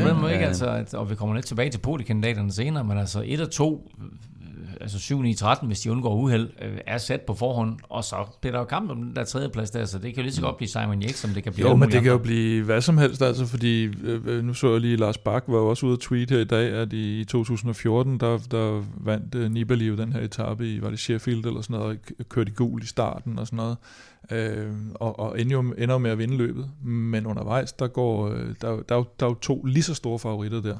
Og det var Froome og Alberto Contador, og de styrter mm. begge to ud af løbet. Mm. Og så har du lige pludselig Nibali, der ligger ja, og vinder. Det er du sgu så, nu nærmest, ikke? Ja, jo, nej, det er det, det at, ikke, men... nej, nej, men altså, det, det er også det, at alle regner jo med, at det bliver Vingegaard Pogacar, men hvis det så viser sig, at Pogacar har helt vildt ondt i hånden, øh, når de skal op af, øh, den sidste stigning på første etape, så er det bare lige pludselig et helt andet game. Så kan det være, det i Yates, der skal køres for mm. og så videre. Ikke? Så, så lad os nu se. Det er Tour de France. Der kan ja. sække lille måske ske meget i løbet af tre uger. Som Dennis Ritter plejer at sige, der sker altid noget vanvittigt i Tour de France. Ja. Så. Til gengæld så er det også et hold, der kommer til at få kæmpe store problemer, hvis Simon Yates kommer til at gøre det godt fra start. For så har de ja, intet de ikke, til at bare komme op med. De, de, altså, de skal helst ikke kontrollere løbet. Det er også for, på holdudtalelsens side, så er det heller ikke et hold, der går ind og tænker, ham her går vi ind og, og satser butikken på. Altså, de, de har ingen opbakning til ham i bjergene, så Altså, men, men bestemte spændende ryttere, nogle gange med begge yates har det sådan lidt, de kan, være, de kan nogle gange bare vise et eksplosivt højt niveau øh, i, i bjergene øh, en gang imellem. Ja. Nogle gange så er de også helt off, men, øh, men nogle gange så er det, viser de sig bare at være altså, top 3 af, de bedste bjergrytter. Ikke? Um, så de, de kan være farlige.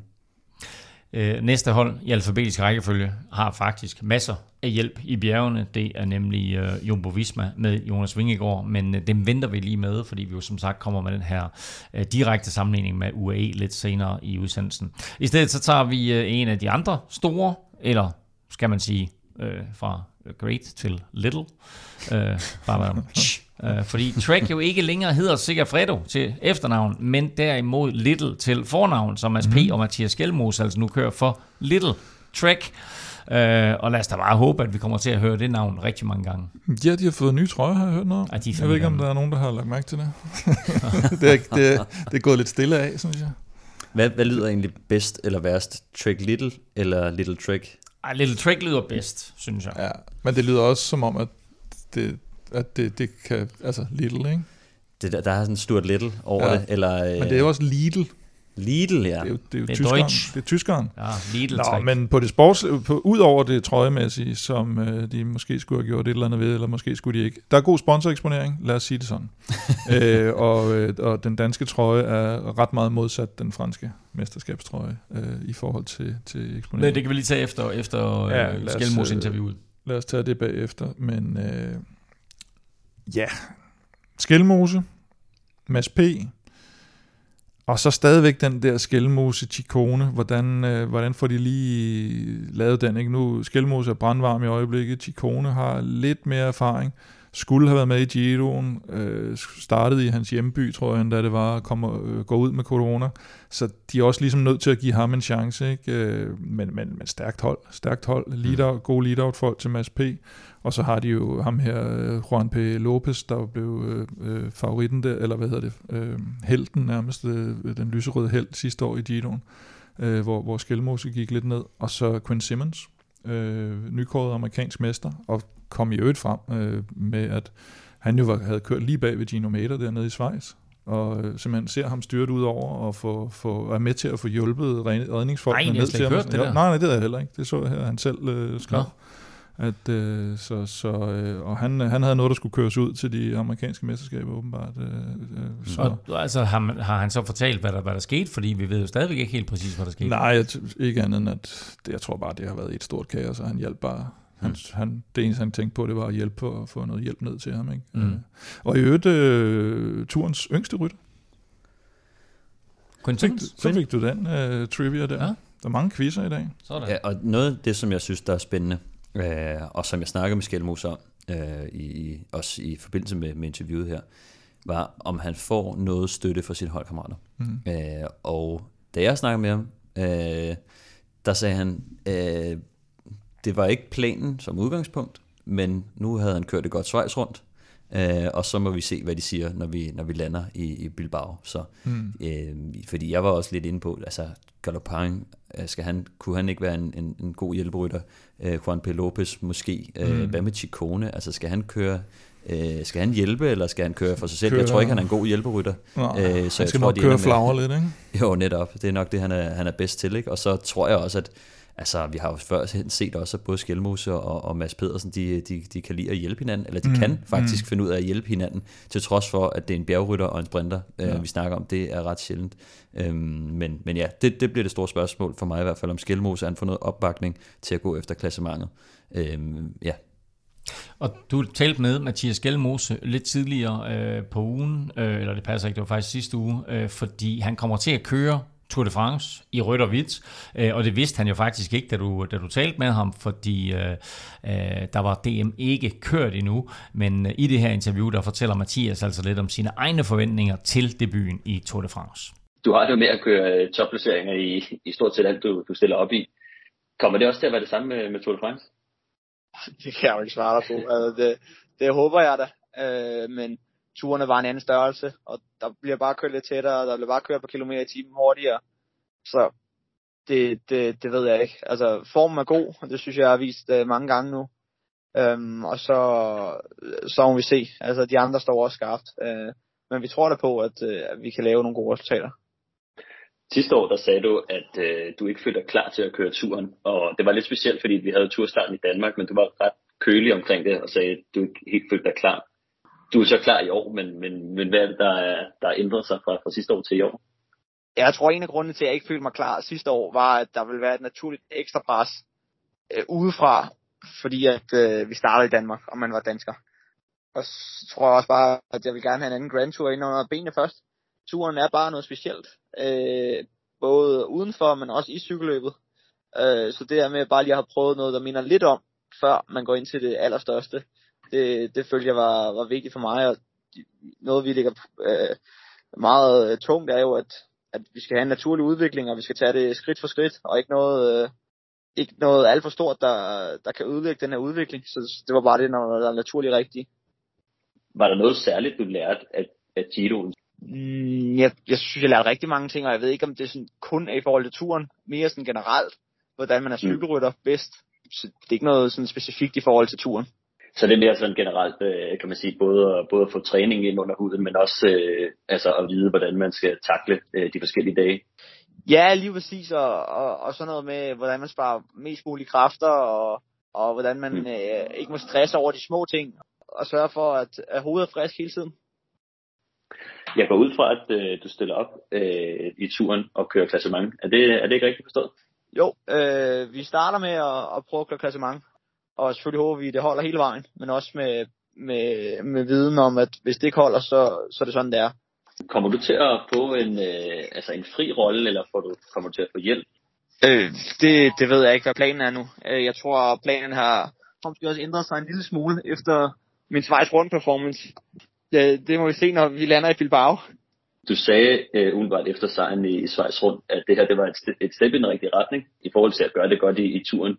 Men også at Jonas Vingegaard og Tadej Pogacar nok er for gode endnu.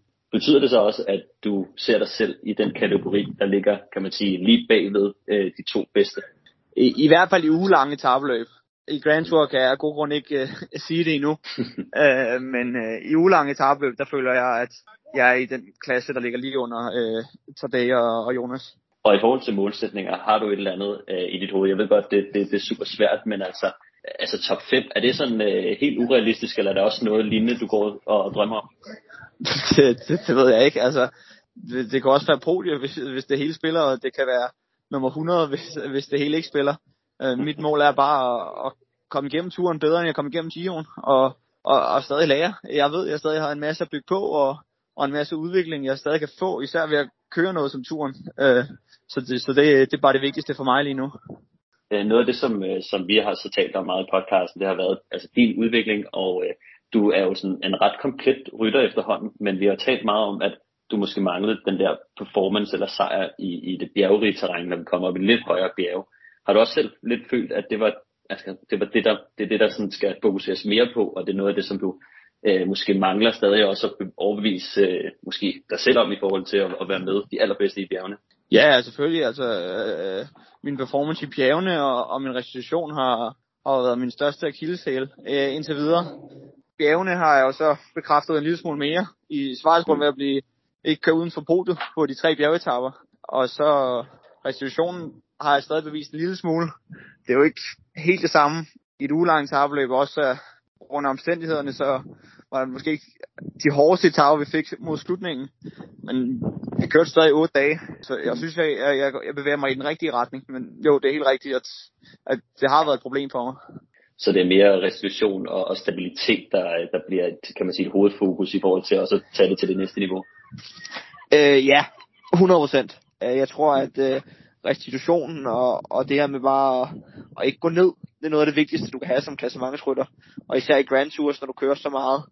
Altså, jeg tror ikke, man kan undgå at have en dårlig dag, men det var nødt til at have så få af dem som muligt, og så håbe på, at de rammer på en dag, der er flad. Dejligt, at uh, Mathias Gjelmos er så afklaret med sin debut, og uh, faktisk ikke lægger alt for meget pres på sig selv. Ja, det skal der nok komme rigeligt af, tror jeg, fra, øh, fra de danske medier, kunne jeg forestille mig, fordi nu har vi jo sådan en, et, et nyt stjerneskud her, så, så han skal køres helt frem i... Og jeg håber, som jeg også sagde i starten, at, øh, at han i hvert fald selv tager det som, som den her læringsoplevelse, og måske tænker lidt mere i øh, gode etape-resultater, og så må vi se, når vi kommer længere hen, ligger han overhovedet til, og ham og Chikone skal måske se, hvem er, hvem er dem, der ligger til, og sådan noget, så, så så det håber jeg lidt, der kommer til at ske. Men, men, men presset skal nok være der herhjemmefra. Det er der ingen tvivl om. Og så er vi nødt til at tale om den kæmpe skandale. Kæmpe skandale. Altså, hvad sker der lige for den der DM-trikot, som Trek har lavet til Mathias Skalmose? Der, Først og fremmest forkert farve. Ja, det, det, skal de, det, skal de, det får de så nok rettet, inden, uh, inden det går i gang. Eller det, det sagde Skelmose i hvert fald. Uh, den er sådan jeg lidt, synes mere, ikke, den er jeg lidt mere Bordeaux-agtig. Jamen, jeg synes egentlig på billederne sådan egentlig. Ja, man kan godt se den lidt for mørkerød. Ja, det kan godt være. Uh, men det er ret tydeligt, fordi nu har de også to andre mestre med. Øh, Luxembourg, Alex Kirsch og Quinn Simmons for USA. Og det her Lidl-logo er altså plantet ind i midten på dem alle sammen. Det er ikke fordi, at Danmark har et Dannebro, mm. og det så skal være der. Og det vil sige, da de har lavet den kontrakt med Lidl, så har Lidl sagt, vi skal sidde her med mm. vores logo, og så er vi fucking ligeglade med, hvem der bliver mestre i det ene eller det andet land. Og så skal vi sidde på ærmerne, så skal vi sidde dit og datten, og det er slet ikke til diskussion. Fordi det er det, det handler om for dem. Og øh, jeg tror ikke, der er nogen tvivl om, at alle har set det lille logo nu. det og det er det, det handler om for dem. Det lille logo sidder præcis i midten af det hvide kors. Ja. Og det er, undskyld mig, blasfemi. ja, det, kan, det, det vil godt være Det kunne have siddet alle mulige andre steder, og altså Mathias har glædet sig til at få den der trøje, der jeg er sikker på også, at han er lykkelig for at ja. køre i denne bro. Men det der... Det betyder noget, fordi jeg kan huske, var det kamp, da han fik den der Tudor trøje, han, mm. altså, han, han sagde også, altså han var glad for, hvor, hvor, hvor flot den var lavet, og det betyder jo noget. Så for beskueren og rytteren, mm. der er det selvfølgelig noget, noget humbug, det der. Og den franske mester, tror jeg, er et mesterværk. Men for sponsoren, der er det lige omvendt. Og det er klart, at de har det der Francis de Jeux, som er et eller andet statsligt lotteri og sådan noget, så de kan bedre sådan være lidt mere large med det og sige, nej, vi får vores penge alligevel. Ikke? Men, men Lidl, de skal have solgt uh, robrød og, og flæskesteg og, og bolcher, ikke? Det eneste, vi kan sige, det er, at hvis Mathias Skelmose, han vinder Tour de France, så tror jeg faktisk måske godt, at brug med lidt med et Lidl i midten, det bliver, det bliver hejst alligevel. uh, vi skal videre med holdene. Vi det, gode er, det gode er jo, ja. der er jo ikke Lidl-logo på den gule, tror jeg, så, eller, eller, eller den hvide faktisk, så, så der, der er det bare med at, at få fat i en af dem. Uh, som sagt, uh, videre med holdene, og det skal vi med Movistar, og selvom Mathias Norsgaard ikke er med, så er der jo faktisk Kim en M. Jørgensen med på holdet. I hvert fald en Jorgensen, øh, Matteo Jorgensen fra USA, som jo også har, nu talte vi om Nelson Paulus, en anden amerikaner, der har haft et øh, fantastisk forår, og det må man sige, at han også har ham her, og, og ser nærmest ud som om, han kan køre øh, godt i alle terrænger. Øh, har virkelig, virkelig fået et gennembrud. Øh, så talte Stefan tidligere om Sam Welsford, der måske øh, mm. havde lidt for meget øh, fedt på, øh, på, ja, ikke, på hofterne. Ja, ikke sådan, at jeg synes, det, det men, meget. Men. men jeg vil sige, nu, nu så vi så øh, Enrik Mas, der sad og holdt en lille oh. preskon, en online preskonference, og øh, ved, han, er han, fik, han fik kyllingen fra Tølløs til at se lidt små, små kvapset ud i, i 2007. Ikke? Altså den der trøje, eller jeg ved ikke, altså det, det, ja, det er helt vildt. Han sidder i sådan en ekstra small trøje, hvor der, er, trøje, hvor, der, hvor der er luft i, ja, der, der er spaghetti. Øh, Henrik Mars, han ser, han ser i hvert fald trimmet ud, øh, og han er en af dem sammen med øh, hvad hedder han, Jai Hindley, der ofte synes jeg bliver nævnt som, som den der træer efter, efter Vingegaard og, og Pogacar. Øhm, så må vi se, om han er der. Han plejer at være sådan en, der, der faktisk bliver bedre og bedre i løbet af, af, af, af turen, eller i, i løbet af en Grand Tour. Så har de jo øh, Alexander Mburu, øh, god igen, en af de her gode, øh, i, i, hvis de kommer hjem i en, i en reduceret spurt, som, som Mads P., øh, Van der Poel, giver mig og de her typer. Øh, og så synes jeg faktisk, vi har set ham her, Antonio Pedrero, der har vist lidt, øh, lidt fremgang i foråret. Han er sådan en, der aldrig rigtig fik sit gennembrud, var et lovende talent, og nu er han, jeg tror han er 31 nu. Ja. Men øh, har lige vist snuden frem, men, men skal nok køre som hjælperytter for, for Henrik Mars. Og så savner vi jo selvfølgelig øh, den øh, nykårede spanske mester og alt eller intet rytter, Øjer Lascano, som, mm. øh, som simpelthen ikke kom med på holdet. Det kunne jeg virkelig godt have tænkt mig at se. Jeg synes også, altså, øh, det er jo et hold, som er, kan man sige, hvor de går all in på, på Henrik Mars. Og øh, han har ikke rigtig vist det der topniveau i år, øh, mærkeligt nok, ikke? Hvad de tager holdkonkurrencen? Hvad? Det kan være, de tager holdkonkurrencen. Ja, og så igen, altså, de er jo faldet af på den. Nå. Øh, de havde jo, øh, hvad hedder det, øh, de vandt den i 2015, 16, øh, så tror jeg i 17, at øh, Sky øh, vandt den. Så vandt de i Movistar igen i 18, 19, 20. Nå. Og så har de ikke øh, vundet Så efter siden. corona, så, det øh, gik det Bahrain ja. og sådan, du ved. Og Mars øh, fik jo også corona på en nedkørsel i et af, det er en af udgaverne på en nedkørsel. Men altså, øh, jeg synes, det er lidt mærkeligt, fordi at det virker som om, at Vueltaen er vigtigere øh, for, for ham og dem i virkeligheden. Sponsormæssigt Øh, er det jo nok, men nu starter de jo så nede i, nogen vil kalde det Nordspanien, nogen vil kalde det Baskerlandet, så, Ja. så man ikke de har lidt ekstra fokus på den i år faktisk. Jo, præcis. Altså, øh, og han er jo også, altså, jeg jeg tvivler på, at han, han kan vinde turen, men, øh, men han har jo tidligere altså, været, været med fremme, øh, blev nummer, både nummer 5 og nummer 6 i Tour de France tidligere. Øh, to andenpladser i, i, i Vueltaen er det også blevet til, så, Mm. øh, så, så han har helt klart øh, niveauet, og som Kim også ofte øh, har sagt, øh, kendetegnet ved ham er jo, at han plejer at køre sig lidt bedre øh, ind Mm. i, i Grand Tours, så øh, det kan være, hvis han får en god spændt start, at øh, han kan blive farlig øh, undervejs i løbet. Vi havde håbet på hele tre danskere på Sudal Quickstep, men øh, på grund af Kasper Pedersens styrt i DM, så må vi altså nøjes med øh, to, øh, Michael Mørkøv og Kasper Askren, som vi kigge lidt tidligere. De har Julian Alaphilippe med, og så blev det jo faktisk Fabio Jacobsen Ja. og ikke Tim Malier, som jeg lidt havde spået, der kom Det kan være, at de har siddet og haft alle de her overvejelser. Det var grund til, at det var de, det eneste hold, der ventede øh, lige en dag ekstra med at udtage, udtage de otte ryttere. Eller så var det, fordi de overvejede Remco. Man ved det ikke. Øh, det, Mm. kunne, det være fræk at komme. Der var også en fake profil på, på Twitter, der, der begyndte at melde sådan noget ud. Det er rigtigt. Øh, men altså meget bygget op om, om Fabio Jacobsen. Øh, og så selvfølgelig Alaphilippe og hans trofaste hjælper, Dries Stevenins. Øh, og så har de jo øh, Askren og Cavagna som to kæmpe motorer, som de både kan bruge i noget, øh, noget lead-out i, i de tidlige faser, og, øh, og som, som også skal, skal sendes afsted, tror jeg, i, i nogle hug. Og så Cavagna, han får tre overnatninger i hjembyen øh, Clermont-Ferrand, som øh, vi var inde på i, i hvad hedder det, Mm. rutegennemgangen. Jeg synes også, altså Quickstep er jo bare et, et, et spændende hold, øh, til trods for, at øh, hvad kan man sige, de ikke er lige så pakket med, med, med stjerner længere, som, øh, som de var før i tiden, mm. synes jeg. Øh, det er jo klart, at øh, Askren ser som en stjerne, og Alaphilippe ser som en stjerne. Øh, Yves Lampard, han er ikke sådan helt kommet derop, synes jeg. Øh, Fabio er bare en uh, farmer's son from Belgium. det er det ikke. Altså, øhm, selvfølgelig har så vundet en etape i turen og vundet øh, andre store løb, men øh, har ikke helt fået den der stjernestatus, hvor man regner med, at, at han er en af top contenders. Altså, han er altid sådan en, hvor man tænker, nå ja, han er også måske en af favoritterne i Brostens klassiker eller sådan noget, ikke? Men, mm.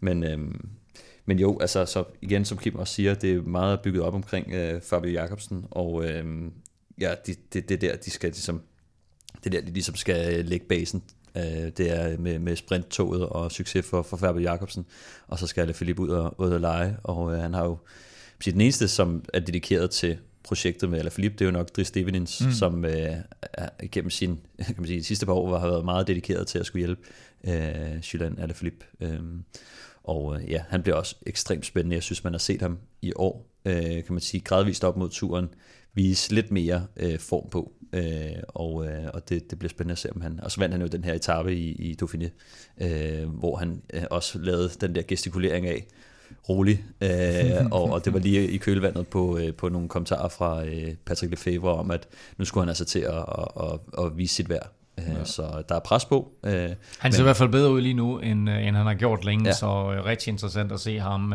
på de første par etapper her i, i Tour de France også. Altså en gul trøje til ham mm. i Baskerland er jo heller ikke helt umuligt. Vi mangler stadig seks hold, og som lovede den store sammenligning mellem Vingegaard og Pogacars hold, men først der skal vi lige have fundet en vinder af en Velropa Cup og fem gange guld plus hold til øh, holdet.dk. Vil du deltage i vores løgtrækninger her hen over Tour de France, så er det nemt at være med og samtidig støtte os på tier.dk. Beløbet er valgfrit, og du donerer hver gang vi udgiver en øh, ny podcast, og så deltager du altså løbende i løgtrækningen om fede præmier, øh, blandt andet de her Kinetic hjelme fra Laser, og så måske, som lovet lidt fra, øh, fra Plæsners pulterkammer. Men Stefan, først og fremmest, dagens mm. vinder af en kop. Dagens vinder i Cup er øh, faktisk en af de en, sådan lidt nyere øh, støtter, øh, tilmeldt sig øh, tidligere i år, og øh, hedder Daniel Kreuzfeldt. Sådan. Jamen, øh, mm tillykke med din øh, kop, Daniel. Øh, vi håber, du kan lige nøjagtigt måske kan nå at få den. Det bliver nok ikke lige til første etape, men, øh, men du når at få den i, i løbet af, af den første uge af Tour de France i hvert fald. Stefan, vi skal have fundet fem vinder af øh, Guld Plus hold til turspillet på holdet.dk. Yes, og jeg håber selvfølgelig, vi håber, de vil, de vil spille med, øh, men øh, de får i hvert fald øh, chancen for at få et øh, gratis hold her. Øh, den første vinder er en, også en relativt ny støtte, hedder Henrik Jappe, og øh, den anden vinder, øh, som også er relativt ny faktisk, øh, og lidt overrasket, øh, Kenneth Gullager. Og så har vi en, der har været med i cirka et års tid, hedder Rasmus Dilling. Og Dan Generup har også vundet et hold, og så er der en, der hedder AP Diko, som, øh, som er den sidste vinder af et øh, guld plus hold, og har, øh, har lagt en femmer, øh, men har gjort det i, i lang tid, og, og den, mhm. øh, den kaster, den giver det. Sådan. Øh, vi gør det jo på den måde med alle vores lodtrækninger, at for hver fem du donerer, der får du et lod i puljen, så jo større beløb, jo flere lodder, og dermed altså større chance for at vinde, men øh, som AP Dikov altså har bevist, man kan godt vinde bare ved at øh, donere en femmer. Du finder link både på velropa.dk og på tier.dk. Mange tak for støtten til alle, og altså tillykke til dagens seks vindere. Vi øh, kommer nu til de fire wildcard-hold i årets Tour de France, og det første er Israel Premier Tech. Ingen danskere, og ingen Froome med hos Israel. Nej, det virker lidt som om, at, at den her unge garde, der gjorde det så godt ved, øh, ved Giroen, blandt andet med, med Derek G., den store fanfavorit fra Canada, at det måske har fået dem lidt i, i nogle tanker om, at de begynder at, at kigge lidt mere på form end på øh, tidligere meritter. Øh, Daryl Impey, Giacomo Nitolo er heller ikke med. Øh, Nitolo har så også været en, en, en typisk uh, Giro-rytter, kan man sige, hvor han jo i mange år kørte uden mm. at vinde en etape, nærmest en, en præstation, og så vinde pointtrøjen uden at, at vinde en etape. Øh, og så kan man sige, 36-årige Michael Woods, han er stadigvæk med, men uh, han kommer så også med, med en frisk sejr i uh, Route de Occitanie. Øh, og det er et hold, ja, hvad fanden skal vi sige om det her hold? Altså, det er et hold, der skal jagte etaper, ikke? Kan vi jo hurtigt blive enige om. det, det er det Woods, øh, han, han kører nok noget klassement, men han kommer jo ikke helt op i toppen. Jeg tvivler på, at, han, at det vil være en god idé Nej, det tror jeg øh, for ham at, at køre klassement. Til gengæld så, øh, så har jeg det sådan lidt, altså jeg er jo selvfølgelig også øh, enig med, jeg kunne bedre lide den unge garde i uh, Derek G og Marco Frigo og Sebastian Berwick, og øh, ja. altså det var, de, de var jo ude i udbrud på alle etapper og, og var konkurrencedygtige, og når man kigger på det her hold, altså, så er det sådan, der er jo selvfølgelig nogle navne med, mm. øhm, og Simon Clark, han vandt Arnberg-etappen sidste år, mm. øh, og øh, Hugo, Hugo Uhl, han vandt også en øh, bjergetappe mm. sidste år, så de havde succes af de her rytter sidste år i turen, så så hvorfor skulle de ikke kunne gøre det igen? Altså, Dylan, Dylan Tøns kan måske gøre det godt her i starten i Baskerlandet, ikke? men øh, det, vi mangler stadigvæk at se ham helt op på, på mm, det niveau, han havde tidligere, ja. inden han, inden han point, point skiftede over til dem. Ja, præcis. Altså i hvert fald i, i topresultater, ja. men, men nu kommer han jo et, øh, nærmest lige fra Schweiz rundt med en samlet 9. plads, mm. som øh, alligevel bevidner, at øh, klatreevnerne, de er der, der, der må være noget form på, men han har ikke nogen topresultater øh, fra i år øh, altså ud over den her 9. plads i, i Schweiz rundt, så, så der er noget form på, men det er stadig ikke sådan, hvor man tænker, at øh, det kommer til at mm. vælte ind med, med, med, med etappesejre. Og så er der en Corbin Strong, som som jeg egentlig synes har været en, en spændende udvikling, som mm. er, snilt kunne være en mand, som ikke fordi jeg tror, han vinder første eller anden etape, men er en mand, som kunne være konkurrencedygtig på, på de første to etapper. Mm. Så kommer vi til holdet med øh, de lyseblå hjelme, Lotto Destiny, øh, der jo er rykket ud af det fine World Tour selskab, og øh, jo desværre ikke tog Andreas Kron med til Frankrig i år. Nej, han er ikke i form, ja, siger han. Øh, men, han lige ud selv. Men, øh, men er jo i form nok til at, at komme på podiet ved et øh, historisk stærkt DM, så jeg synes måske stadigvæk, det er lidt ærgerligt, men, men øh, han ved det jo nok bedst selv, og kan, kan selv mærke det om, øh, og hvad han er komfortabel med at, at stille op i. Øh, meget på det her hold er selvfølgelig bygget op om øh, Caleb Ewan, øh, og så har de jo øh, Jacopo Garnieri og Jasper de Buist som lead-out-rytter. Øh, meget stærk lead-out. Og Kampenarts er tilbage. Victor Kampenarts, eller Victor. Øh, skadesproblemer. Og så synes jeg egentlig også, at Pascal Inkhorn har, har, har fundet en, en okay god form. Maxim van Gils har været god på bakkerne, og hvad kan man sige, det var nok ham og Kron, der, der skulle, skulle ligge og kæmpe lidt om den rolle på, på holdet. Øh, mm. Så ja, hvis ikke, øh, hvis ikke øh, Caleb Ewan, hvis ikke han begynder at vinde igen, fordi vi har jo været inde på, at det har ikke set alt for godt ud de seneste par sæsoner, så, øh, så kunne de godt risikere at komme, komme tomhændet, tomhændet hjem fra, fra, fra turen. Og øh, Caleb Ewans sportsdirektør, Alan Davis, han kommer jo så slet ikke til turen, efter han øh, røg ind i sådan en, en, en sparet sag, hvor han har fået, fået sendt lidt lummer beskeder til en, en, der har søgt job på holdet, og det er der blevet en større sag øh, for, for holdet af nu. Så, øh, så der er allerede øh, godt gang i den, øh, lige på, på den mere personlige front der. Altså det, lidt som du siger, altså rigtig meget af deres øh, succes afhænger af Caleb Ewan.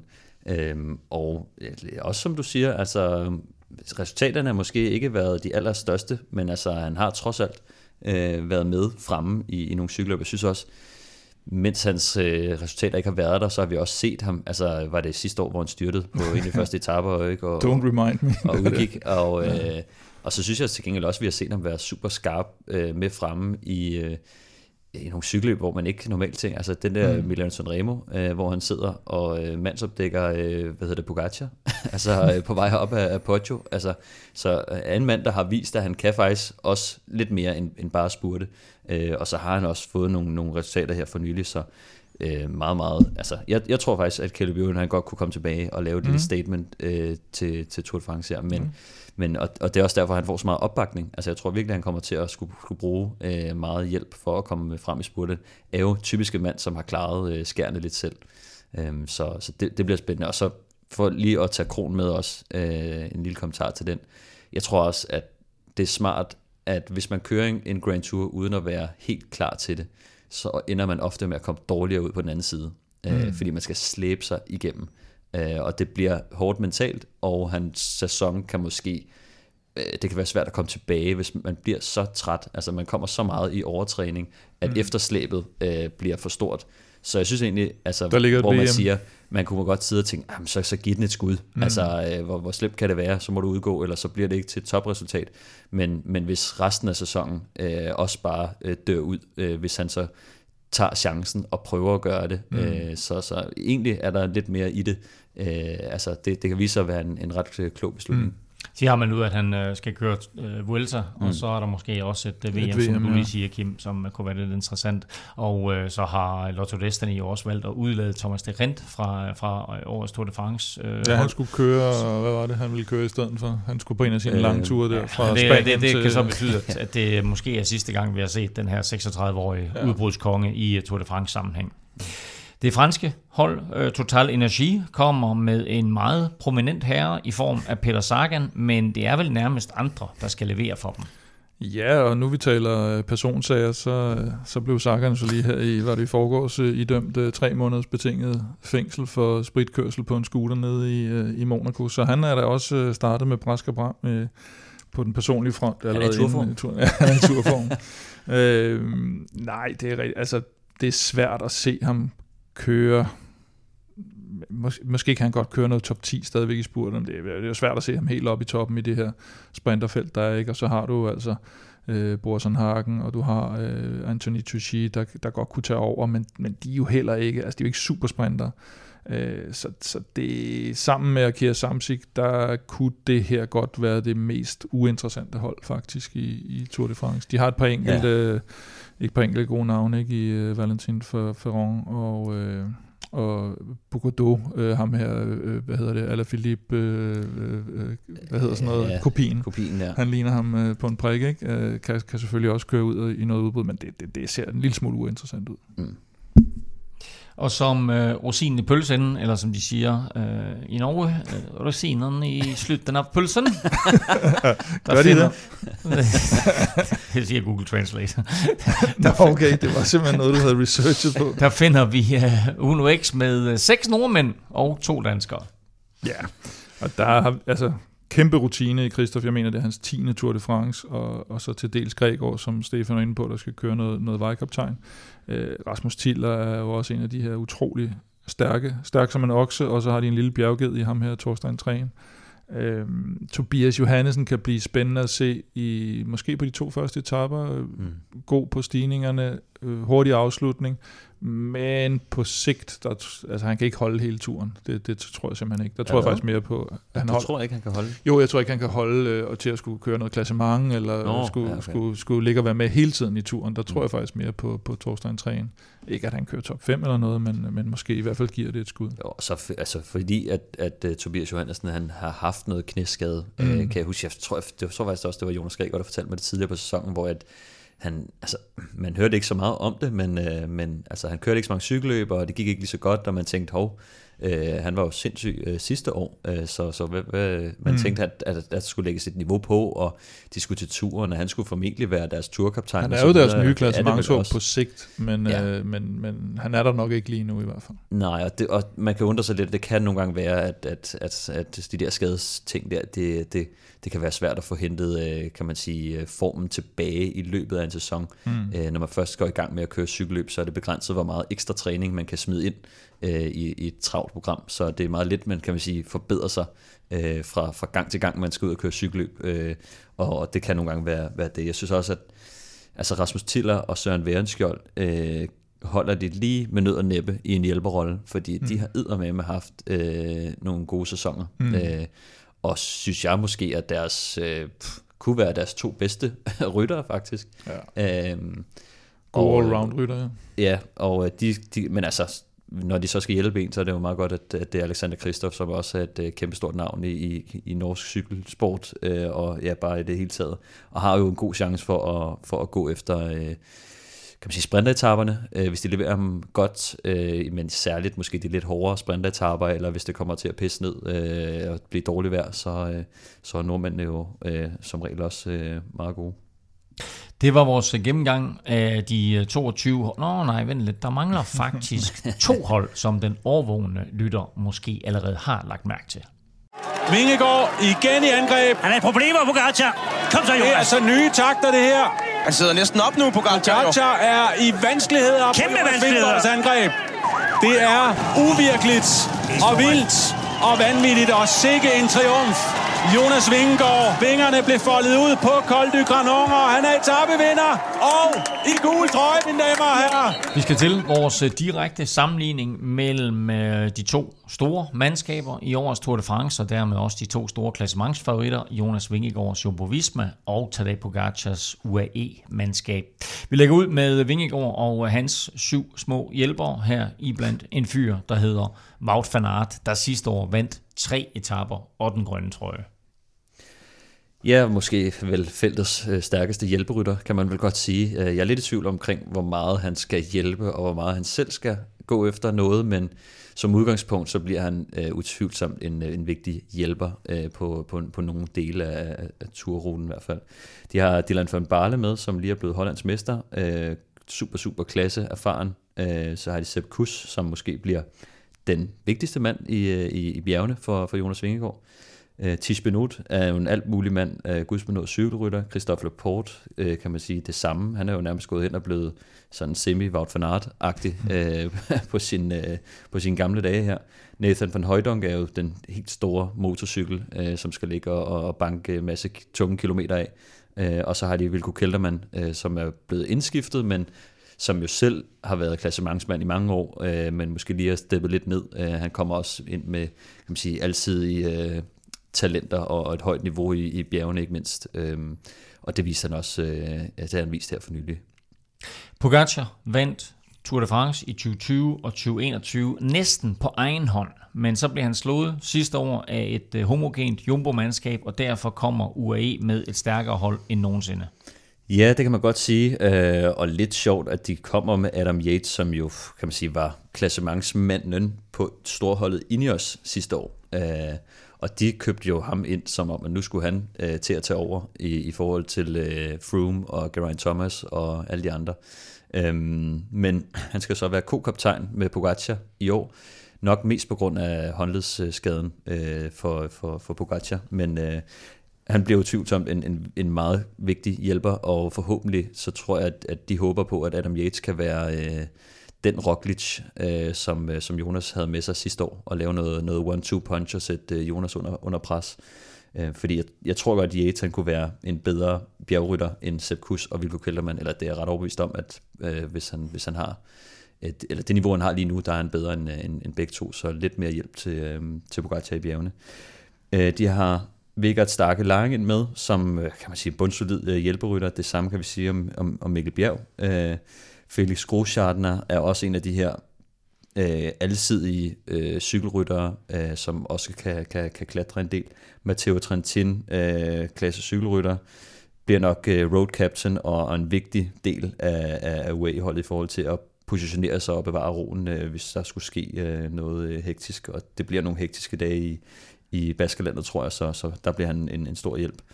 Øhm, Rafael Majka og Marc Soler er de to rytter, som øh, også skal bakke op i, i bjergene, og øh, det er jo store navne, men føler måske også lidt, at de har mistet et halvt step i forhold til, øh, hvis, man kigger, øh, hvis man kigger lidt tilbage.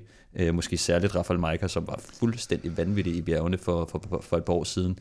Og har tidligere vundet den, den prikkede trøje mm, også. Ja, netop. Så, øh, så altså, begge mandskaber super, super skarpe.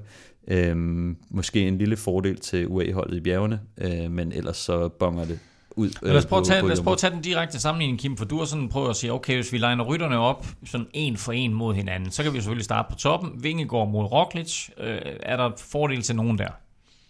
Skal han køre mod Roglic? Det vil ja. alligevel være overraskende. den, anden, den, anden, den anden sloven. Den anden Roglic. Den anden sloven. Den anden Roglic. Den anden sloven. Øh, Pogacar. Nej, altså jeg synes, i sådan en, en sammenligning her inden løbet, vi ved, vi ved det jo reelt set ikke, og øh, den, den må være lige. Øh, den, den sætter vi som lige, fordi det, de er så tætte, at, øh, at der vil man ikke kunne Den kunne slår ikke klart ud, siger Nej, det gør den ikke. Nej. Det gør den ikke.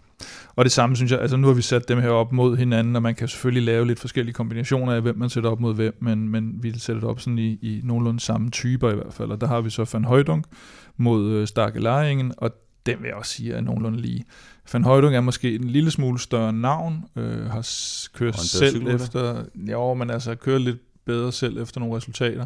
Men, men er det men, ikke også sådan en, øh, er det en difference maker? Og der kan man sige, der er det måske begge to no, ikke nogen, der går ind og ændrer. Nej, øh, og, og, og, og det der også er, fordi nu, nu taler du om det her med, at UAE øh, på papiret er bedre i bjergene, og det synes jeg mm. egentlig også.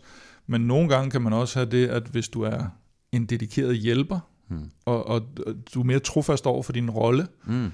der er sådan lidt, jeg, jeg tror det er smart det der med at sige, at Adam Yates skal måske spilles ud, fordi hvordan er han som en hjælper til mm. Pogacar, altså som en hjælpe, decideret hjælperytter? Ja i forhold til en, øh, det kunne være en Sepp Kuss. Nu har vi nemlig ikke sat dem op mod hinanden, hvor, hvor han jo bare ved, det handler bare om at, at være der for Jonas. Så. Og der ser jeg Starke Lejringen til gengæld, han er decideret hjælper, ikke? Øh, det, det bliver Van Højdung også, men som du siger, som rytter er han måske sådan lidt mere, øh, hvad skal man sige, har lidt mere status mm. end, end, end Lejringen.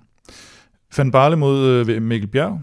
Øh, al ære og respekt til Mikkel Bjerg, så, øh, så bliver det en jumbo-sejr på, på de to øh, store motorer der på, mm. på flad vej. Øh, Christophe Laporte mod Trentin. Det bliver også Laporte, som altså er en af verdens absolut bedste cykelrytter i øjeblikket. De har mange mm. af de samme kvaliteter. Laporte er bare bedre til stort set alle sammen på nær at være den her rutinerede vejkaptajn måske, som selvfølgelig også har en, en, en, øh, en rolle, men, øh, men, men Laporte er, er bedre end Trentin. Så har vi Thies Benot mod øh, Felix Groschardt, og der vil jeg også sige, at det er sådan en, en even Steven de kan lidt af de samme ting, og sådan en, øh, kan klatre øh, til, til husbehov og, og, og lidt til, og, og kan også være, være med på flad vej. Så har jeg sat øh, Sepp Kuss op mod øh, Rafael Maika, og der sætter jeg Kuss højst. Der er også noget med, nu kan jeg ikke lige huske, hvad det var for en statistik, eller helt præcis, hvordan den var, men det er noget med, når han er med som hjælperytter, så går det rigtig, rigtig godt. For, så han har, han, han har nok en del bonus øh, ja. derhjemme. Ikke? At, øh, og det er netop, fordi han har den her meget dedikerede rolle. Maika har tidligere også været en stjernerytter for sig selv. Nu har han så fået den her rolle, og jeg synes faktisk, han, han udfylder den øh, meget lojalt. Det er slet ikke det. Men han, han, er, han, er, han kommer bare et andet sted fra. Øh, til gengæld Kelterman mod, øh, mod Adam Yates, de kommer begge to øh, fra lidt samme sted, har begge to tidligere kørt klasse mange sådan 4-5. pladser som, som noget af deres bedste. Så, så de er meget sammenlignelige, og, øh, og Kelterman gjorde det jo faktisk godt her, efter han er kommet med i stedet for Steven Krausweig. Men Yates er stadigvæk øh, en bedre rytter og i bedre form, vil jeg sige. Så UAE får faktisk den her. Og så til sidst, så er der vores smertensbarn, Wout van Aert, hvem fanden skal man sætte ham op imod? Mm. Altså, du kan ikke sætte ham op imod nogen, for der er ikke nogen, der har... Altså, det, det, den, den han mest kunne sættes op imod, det var Laporte, men han kører på samme hold. Ja, eller Trentin så, måske. Ja, Trentin, men, men, men, hvem skulle Laporte så sættes op imod, ja, ikke? Og, ja. og så har vi Marc Soler tilbage på, på, på uh, UAE. Mm. Og uanset hvem vi sætter Van Aert op imod, måske på nær Pogacar, så vil han vinde. Og det gør han også, ja. Mm. Øh, så den, den får Jumbo også. Så på papiret står den faktisk 4-1 til Jumbo, hvis man sætter den op her. Tre øh, helt lige, og de fem resterende rytter, der vinder Jumbo 4-1. Ja. Og det, så, øh, så altså en lille fordel her på papiret, øh, på efter, papiret. efter Kim og Stefans udregning til øh, Jumbo Visma. Det var altså lige vores sammenligning af de her to store mandskaber, og af Jonas Vingegaard og ham slå en om, der ikke hedder Roglic, inden Tour de France begynder på lørdag. Vil Europa Podcast præsenteres i samarbejde med Odset fra Danske Licensspil. Husk, at du skal være minimum 18 år og spille med omtanke. Har du brug for hjælp til spilafhængighed, så kontakt Spillemyndighedens hjælpelinje Stop Spillet eller udluk dig via Rufus. Regler og vilkår gælder. Lige om lidt får du dagens spiltips, men først kigger vi lidt på de øh, første tre etaper i årets Tour de France. Så vil du høre en samlet gennemgang af alle etaper, så skal du lytte til vores special med rutekorrespondent Kasper Nkagård, som vi optog i sidste uge.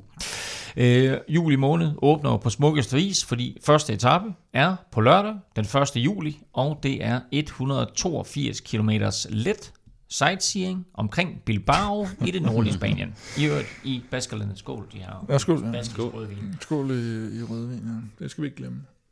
Hvad kan vi sige om, øh, hvad kan vi sige om den etape? Jo, men du siger, det, det er walk in the park. Nej, det ah. er fem, fem kategoriserede stigninger over 3.000 højdemeter. Øh, to stejle børger i finalen. Først øh, to kilometer 10 procent med, med 10 km til mål, og som, øh, som Kasper han også sagde, da vi gennemgik ruten, så er den jo de to kilometer er delt op, eller er den første kilometer faktisk den, den nemmeste, og den sidste, der er det sådan noget, øh, der kommer vi op i de, i de ubehagelige tocifrede øh, øh, procenter. Så, øh, så der skal nok blive lavet noget udskilling, og så en lille rampe til slut med, med den sidste kilometer på 5%. Øh, og det er jo nok på, på den her 10 km før mål, øh, hvor de i øvrigt har fjernet de her bonussekunder, skal vi, skal mm. vi huske at sige.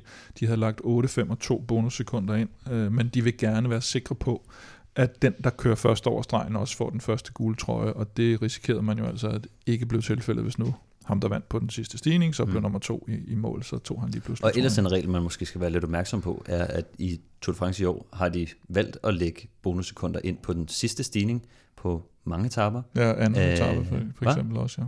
Hvor at øh, der er flere bonussekunder at køre om, end der normalt plejer. Så ja. der er Normalt er der jo 3-2-1, øh, så nogle gange kan der være nogle få gange, så er der blevet lavet med noget dobbelt, og her så giver det 8, 5 og 2, hvilket også er lidt mærkeligt, men man får 10 for at vinde en etape, ja. øh, og så 8 for at vinde, kan man sige, på, på sit Så lidt flere bonussekunder at køre om, som jo selvfølgelig er en regel, der er lavet for, at de gerne vil prøve at se, om de kan få favoritterne lidt mere i spil, mm. øh, og, og til at angribe noget mere på, på stigningerne.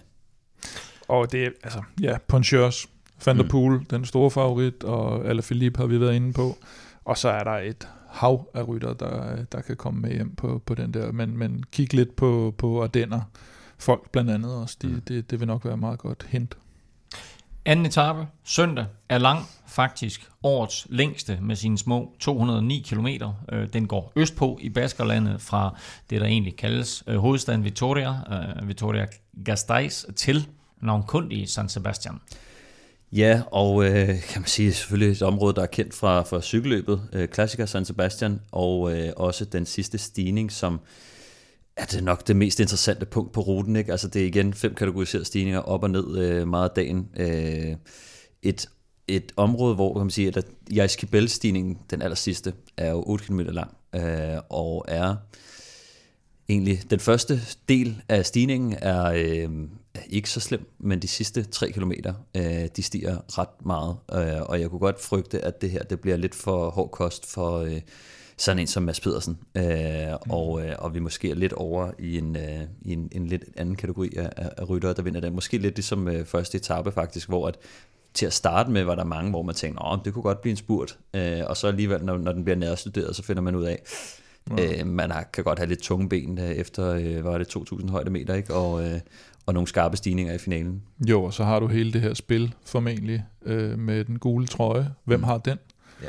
Er det nogen, der er fuldstændig ligeglade med den, så er udbrud lige pludselig en, øh, det er nok ikke en, nogen, en ting, der er, der er i spil. fuldstændig ligeglade. Nå nej, men vi, vi, vi talte også om det i, ja. i rutegennemgangen, at hvis Pogacar eller Vingegaard får den allerede på første mm. etape for eksempel, så, så er man måske ikke så interesseret at skulle ligge og have det ansvar øh, hele vejen ja. øh, hen til Pyreneerne. Så, øh, og, og til gengæld, hvis det er en Van der Poel eller, eller Alaphilippe, så vil de nok forsvare det noget mere. Mm. Så der kan lige pludselig komme et udbrud i spil, og hvis det er at det rygtes, at de egentlig ikke gider have trøjen, dem der har det, så vil kampen for at komme i udbrud så lige pludselig blive en af de der måske 100 km kampe, der kommer mm. i starten af, af nogle af de der etaper. Jeg tror også netop det der med, hvem der har trøjen, og hvem der kommer til at forsvare den osv. Jeg synes ofte, det er sådan i, i Grand Tours, at, at det er sjældent, at tingene eksploderer på de første par etaper, fordi at der er så mange, øh, altså der er stadig så meget kontrol og, og gameplan over det, at øh, der ikke er så mange hold, der bare kaster, øh, kaster helt lortet ind på, på de tidlige etapper. Og Udfordringen er bare, at, at de, de her etapper trods alt er meget anderledes mm. end, end mange andre øh, Grand Departs. Ikke? Altså det er uhåndterbart terræn og svært terræn at kontrollere cykelløb i. Det er det, ja. Men igen, altså det, det, det, jeg synes mange gange, så glemmer man lidt at tænke på, altså hvordan er stemningen i, i cykelfeltet. Og mm. de første par etapper i en Grand Tour vil altid være lidt mere kan man sige, der er nervøsitet i feltet, der kan være nogle styrt og så videre, men det er generelt sjældent, at der er noget, der eksploderer, øh, og lidt mere kontrol over det i tidligt end, end senere hen, fordi at senere hen, så er der nogen, der har, så, der, så kan man sige, der er klassementsrytter, der er ude, der er planer, der er gået i vasken, og så kaster man flere ind på noget udbrud og noget, øh, noget Ja, så kommer der 25 øh, rytter øhm, afsted. Ja. Så der, der, det er meget, man er stadig, kan man sige, on track i starten af, af cykling, og det, som jeg synes, der er lidt spændende ved den her Jaiske også, det er, det er en meget åben stigning, øh, det åbne landskab. Øh, selvom vi kender måske Baskerlandet for at være lidt mere snørklet, øh, så er det en, en meget åben stigning, så vinden og vejret kommer til at have en lidt større betydning øh, i forhold til, hvordan den sidste stigning bliver kørt, øh, og hvor hård den egentlig er. Så, øh, så det, det, kan gå, det kan gå begge veje. Øh, det er, hvordan øh, etappen bliver kørt, hvordan stigningen bliver kørt, men også hvordan vejret det, øh, det spiller ind. Tredje etape mandag er, som Kim vil sige, lidt mere human. Hmm. Øh, 183, 193 km faktisk, der begynder i Spanien og slutter i Frankrig, nærmere bestemt Bayonne. Og øh, den her har feltets hurtigste ryttere selvfølgelig sat deres kryds ved, men det bliver bestemt ikke en øh, nem etape. Det gør det bestemt ikke. Altså, øh, specielt i starten af etappen er sådan rimelig kuperet og bliver sådan lidt fladere, når man kommer ind i, i det franske øh, terræn. Øh, så altså formentlig så bliver det en, øh, en sprintetappe. Øh, det, det, det tror der er mange, der, øh, der, der er enige i. Øh, og så bliver det jo spændende at se. Altså, det bliver spændende at se, hvordan de her øh, sprinttog de kommer til at, at, at, at lykkes eller, eller fejle. Øh, og øh, der er faktisk også øh, lige den del, der er en lille ændring i, i ruten siden øh, kan man sige, øh, lanceringen. Øh, der har været en, en fejlig rundkørsel kort før mål, der er blevet taget ud. Så ruten er blevet Det er Kornevæggen jo glad for så. Ja. Så kører han ikke forkert. ja, ja. det er derfor, den er farlig. Det er spørgsmål, ja, hvad vej skal jeg? Så få valgmuligheder som muligt. Ja. Øh, men det betyder så også, at, at, at øh, der er blevet lagt 6, 6 km til, så etappen nu er 193 km i stedet for 187. Øhm, men ja, forventet sprinterduel. Sådan, det var altså lige vores øh, lynhurtige korte gennemgang her af de første Jeg har lige en uh, lille kommentar, og det etaper. er, at i Baskerlandet er også lidt kendt for noget andet. Det er, nogle gange så er det lidt regnvejr dernede, og lige nu siger vejrudsigterne Bum, faktisk bum. sådan øh, lidt regn øh, på Mm. begge første etapper. Jeg har et par kammerater, der er dernede, plus at jeg har da set flere billeder dernede her de sidste par dage. Strålende sol. Mhm. Nu må vi se, hvordan det ser ud Ja, øh, i, i weekenden. Gennem øh, hele Tour de France er Odds for Danske Spil med øh, som partner her på Velropa Podcast, og du kan på odds.dk se alle vores Velropa Specials. Der ligger tre i forvejen, faktisk fire tror jeg i forvejen, øh, og her der kommer der så tre yderligere, og vi lægger ud med Velropas venner. Ja, og der øh, havde vi også jo en snak, eller Stefan havde en snak med, med Jonas Gregor, om, øh, om ikke han øh, skulle gå efter bjergetrøjen og sige, ah, han er ikke bjergrytter mere, men det, hvis han skulle gøre det, så skulle han gøre det i starten i hvert fald. Mm. Så vi tager ham på ordet, og øh, så siger vi, at han har bjergetrøjen efter første etape, for det må i hvert fald være starten. Øh, mere, mere, Og en god start. En god start, må man sige. Øh, så ham i prikker der til odds 12. Jonas Gregor går i udbrud, napper alle ja. De der indbyggede øh, bjergpoint, ja. Og napper bjergtrøjen, og holder den, så er der simpelthen odds 12 igen. Fremragende start odds på Velropas vinder. Så kommer vi til Stefans staldtip. Det gør vi, og øhm, det bliver et lidt atypisk odds. Altså, jeg er faktisk jeg er lidt nervøs ved det, men, øh, men jeg tror faktisk også på det. Øh, jeg har set lidt på Ineos Grenadiers, og jeg tror ikke, at de, jeg tror ikke, at de kommer til at vinde ret meget. Øh, og jeg tror faktisk måske slet ikke, at de kommer til at vinde nogle etapper. Mm. Øh, Det er et langtidsvedmål. når man går, jamen det er det nemlig, og når man ligesom går, det, går dem igennem i sømne, når man kigger på holdet, så tænker man, wow, der er mange rigtig gode cykelryttere, men når man lige kigger lidt nærmere ned på dem, så, øh, så er der måske ikke så mange, der, øh, der, der, øh, der kan gå hen og præstere. Altså Tom Pitcock, som vandt øh, Abdøs-etappen sidste år, han lavede alt muligt andet, og er blevet kastet ind øh, fra siden øh, i, i Tour de France, og skal prøve at gå, køre klassement. Øh, så det skal man også lige have for øje. Det er ikke sådan en, altså Øh, han kommer sikkert til at prøve at gå efter nogle bjergetapper, men egentlig så er det med det her klassements-ting. Øh, Så når han vinder første etape på lørdag der, så er det et ærgerligt vedmål. Så Og skal på du tænke mere 20. på den i hvert fald. Altså, så er det ikke et langtidsvedmål. Skal man ikke på 0 etapper, og det giver ja. odds 2,40, hvis det holder stik. Mm. Og øh, ja, så kan man jo så sidde og, og, og kigge med på alle etapper og krydse fingre for, at det ikke er en Ineos-rytter, der krydser stregen først. Ja. Sidst, men ikke mindst, Plesners, Plesners podie. Jamen, øh, senest vi var igennem med det, så havde jeg jo fidus til Michael Lander. Og jeg På bliver, podiet samlet. På podiet samlet, ja.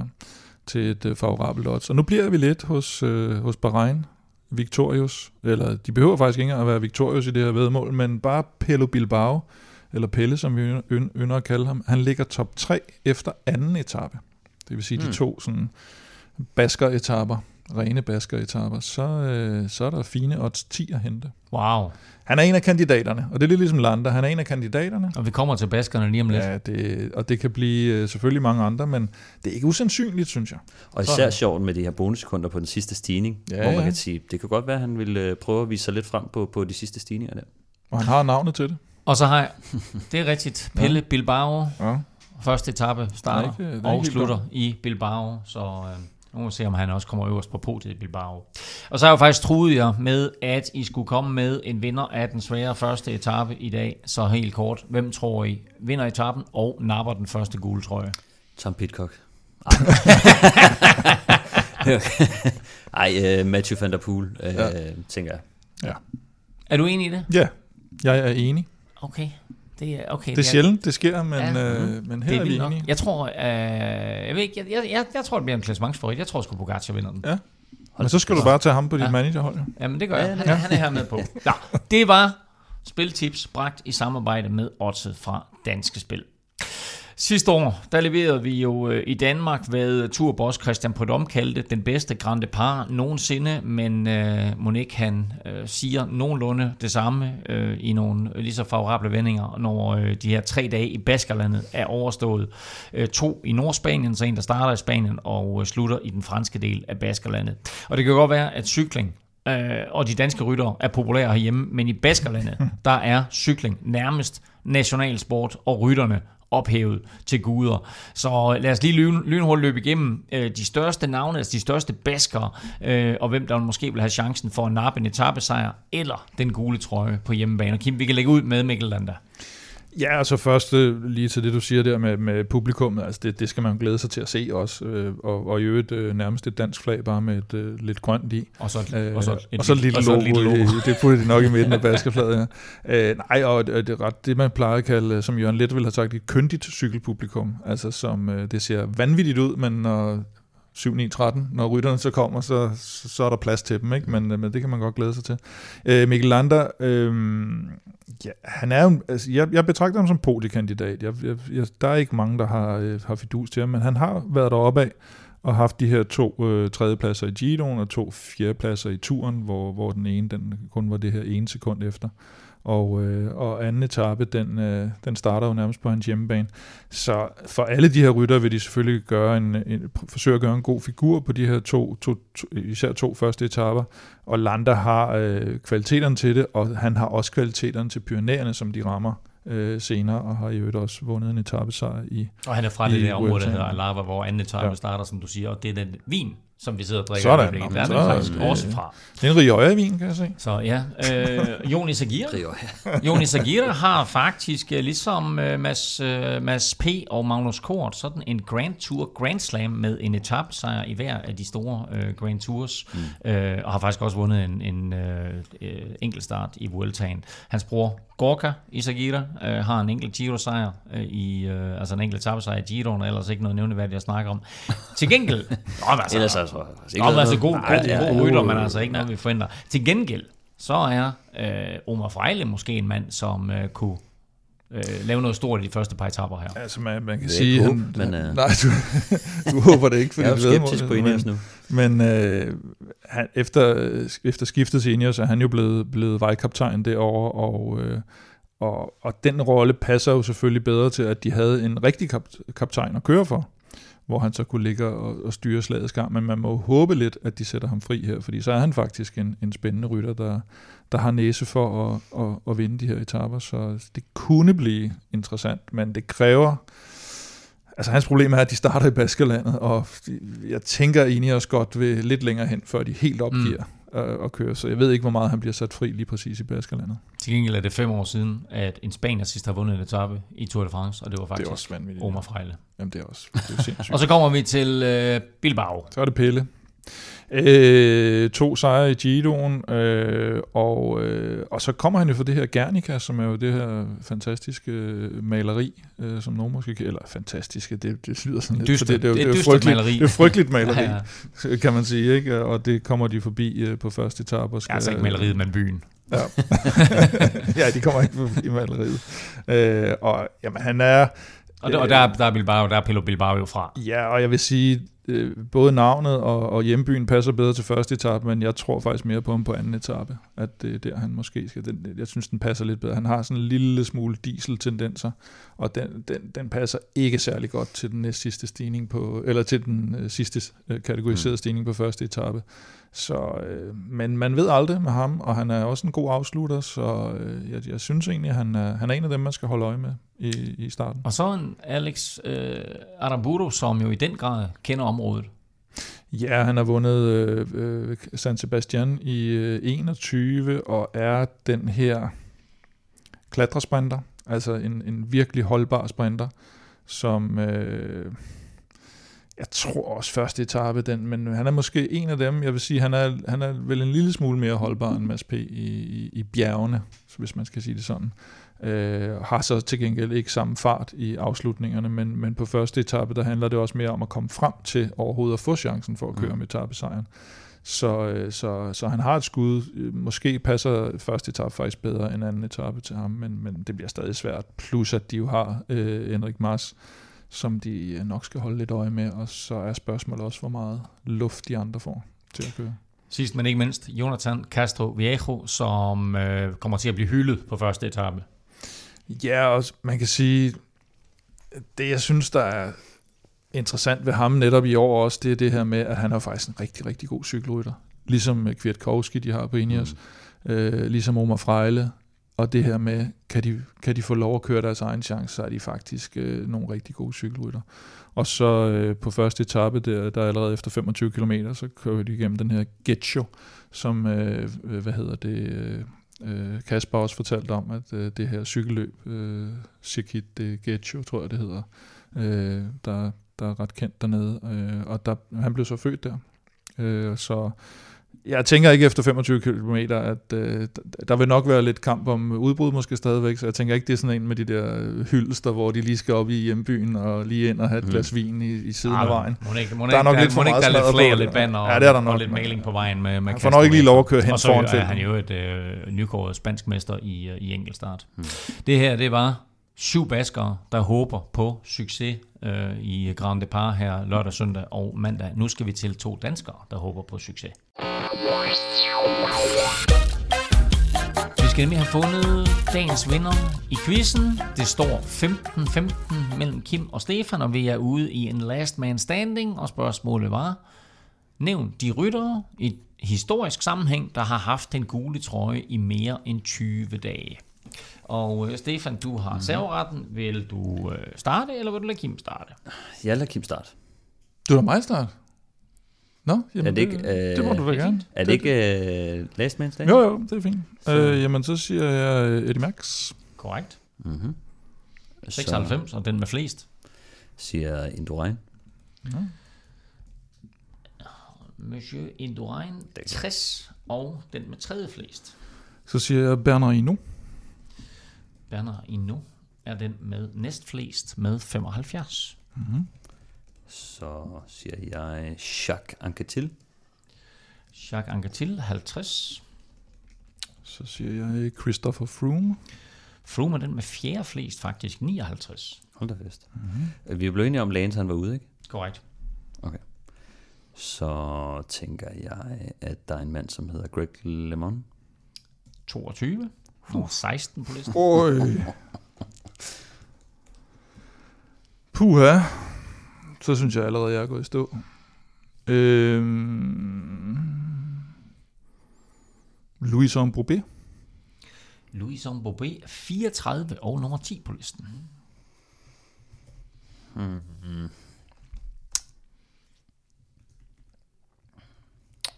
Fignon. Laurent Fignon, 22, præcis. Ej, som, jeg bevæger mig på LeMond. Øh, jeg bliver nødt til at tage Fausto Coppi. Fausto Coppi. Fausto Coppi. Nej. Fausto Coppi er ikke på listen. Nå. Uh. Så er vi tilbage jo. Så er vi tilbage. Øh, Bob, jamen, øh, Hvorfor sagde du ikke det må, det må jeg nok sige. Det, øh, det overrasker mig faktisk også lidt, 20? at Fausto Coppi han ikke er på listen. I kan lige få nogle af de andre Har Pogacar, har Pogacar været... Pogacar, han har, øh, han har 21. Åh, oh, ja. Jeg tror ikke. Jeg, jeg tror heller ikke, jeg tror heller ikke på den vej. Øhm, Otavio Botecchio, 34. Jeg har også Contador, men han Prøv at høre, den evige toer. Job Sotemælk. Gud, han er... Også 22. Ja, ja. François Faber. Fra Fabian Cancellara, din gode ven. 29 stykker. Hold da kæft. 29 det er stykker. selvfølgelig rigtigt. Han vandt jo altid første etape, ja. ikke? Ja, det I nogle år. Så, så altså lidt overraskende, så øh, fik det her quiz jo en hurtig ende, men skaffede et point til uh, Stefan. Jeg synes heller ikke, det, jeg synes ikke dem, du nævner der, udover Cancellara og sådan nogle, man sådan hører Nå, voldsomt nej, meget. nej, men altså... Pogacar har, har vi hørt om, ikke? Jo. Ham kunne Jo, så skulle, man, så skulle jeg have taget ham på min liste. Hvad med Contador egentlig? Hvor mange er han? Eller han er også udelukket for nogle af dem? Han er ikke på listen i hvert fald. Nå, så er Men, han nok men hvor mange, mange gule trøjer havde han? Fordi jeg tror, Jeg ikke, ved det jeg ikke. tror heller ikke, han havde så mange. Øhm, men øh, det var i hvert fald et øh, vildt. point til, øh, til en dårlig quiz, den i, øh, i dagens quiz. Vi er tilbage på mandag med et øh, tilbageblik på de første tre etaper i Tour de France, og så trækker vi altså lod om den første Laser Kinetic Royalen blandt alle, der støtter på tier.dk. Og øh, husk også juni måneds t-shirt I'm Not Doing Shit på øh, shopvelropa.dk. Det er absolut sidste chance, inden juni måneds Puy de Dôme ser dagens lys. Juli. Og så må du altså meget gerne gå ind og øh, give os nogle stjerner og en anmeldelse i din podcast-app. Det hjælper os nemlig til at komme ud til endnu flere cykelfans i det danske land her hen over Tour de France. Indtil vi høres ved, der kan du følge Kim og Velropa på Twitter på Snablag Velropa. Stefan finder du på Snablag Stefan Djurhus, og undertegnet finder du på Twitter, Insta og Facebook på Snablag NFLming. Og husk også at tilmelde dig Velropa Podcasts miniliga Velropa Tour på holdet.dk, hvis du vil dyste mod os tre i løbet af Tour de France.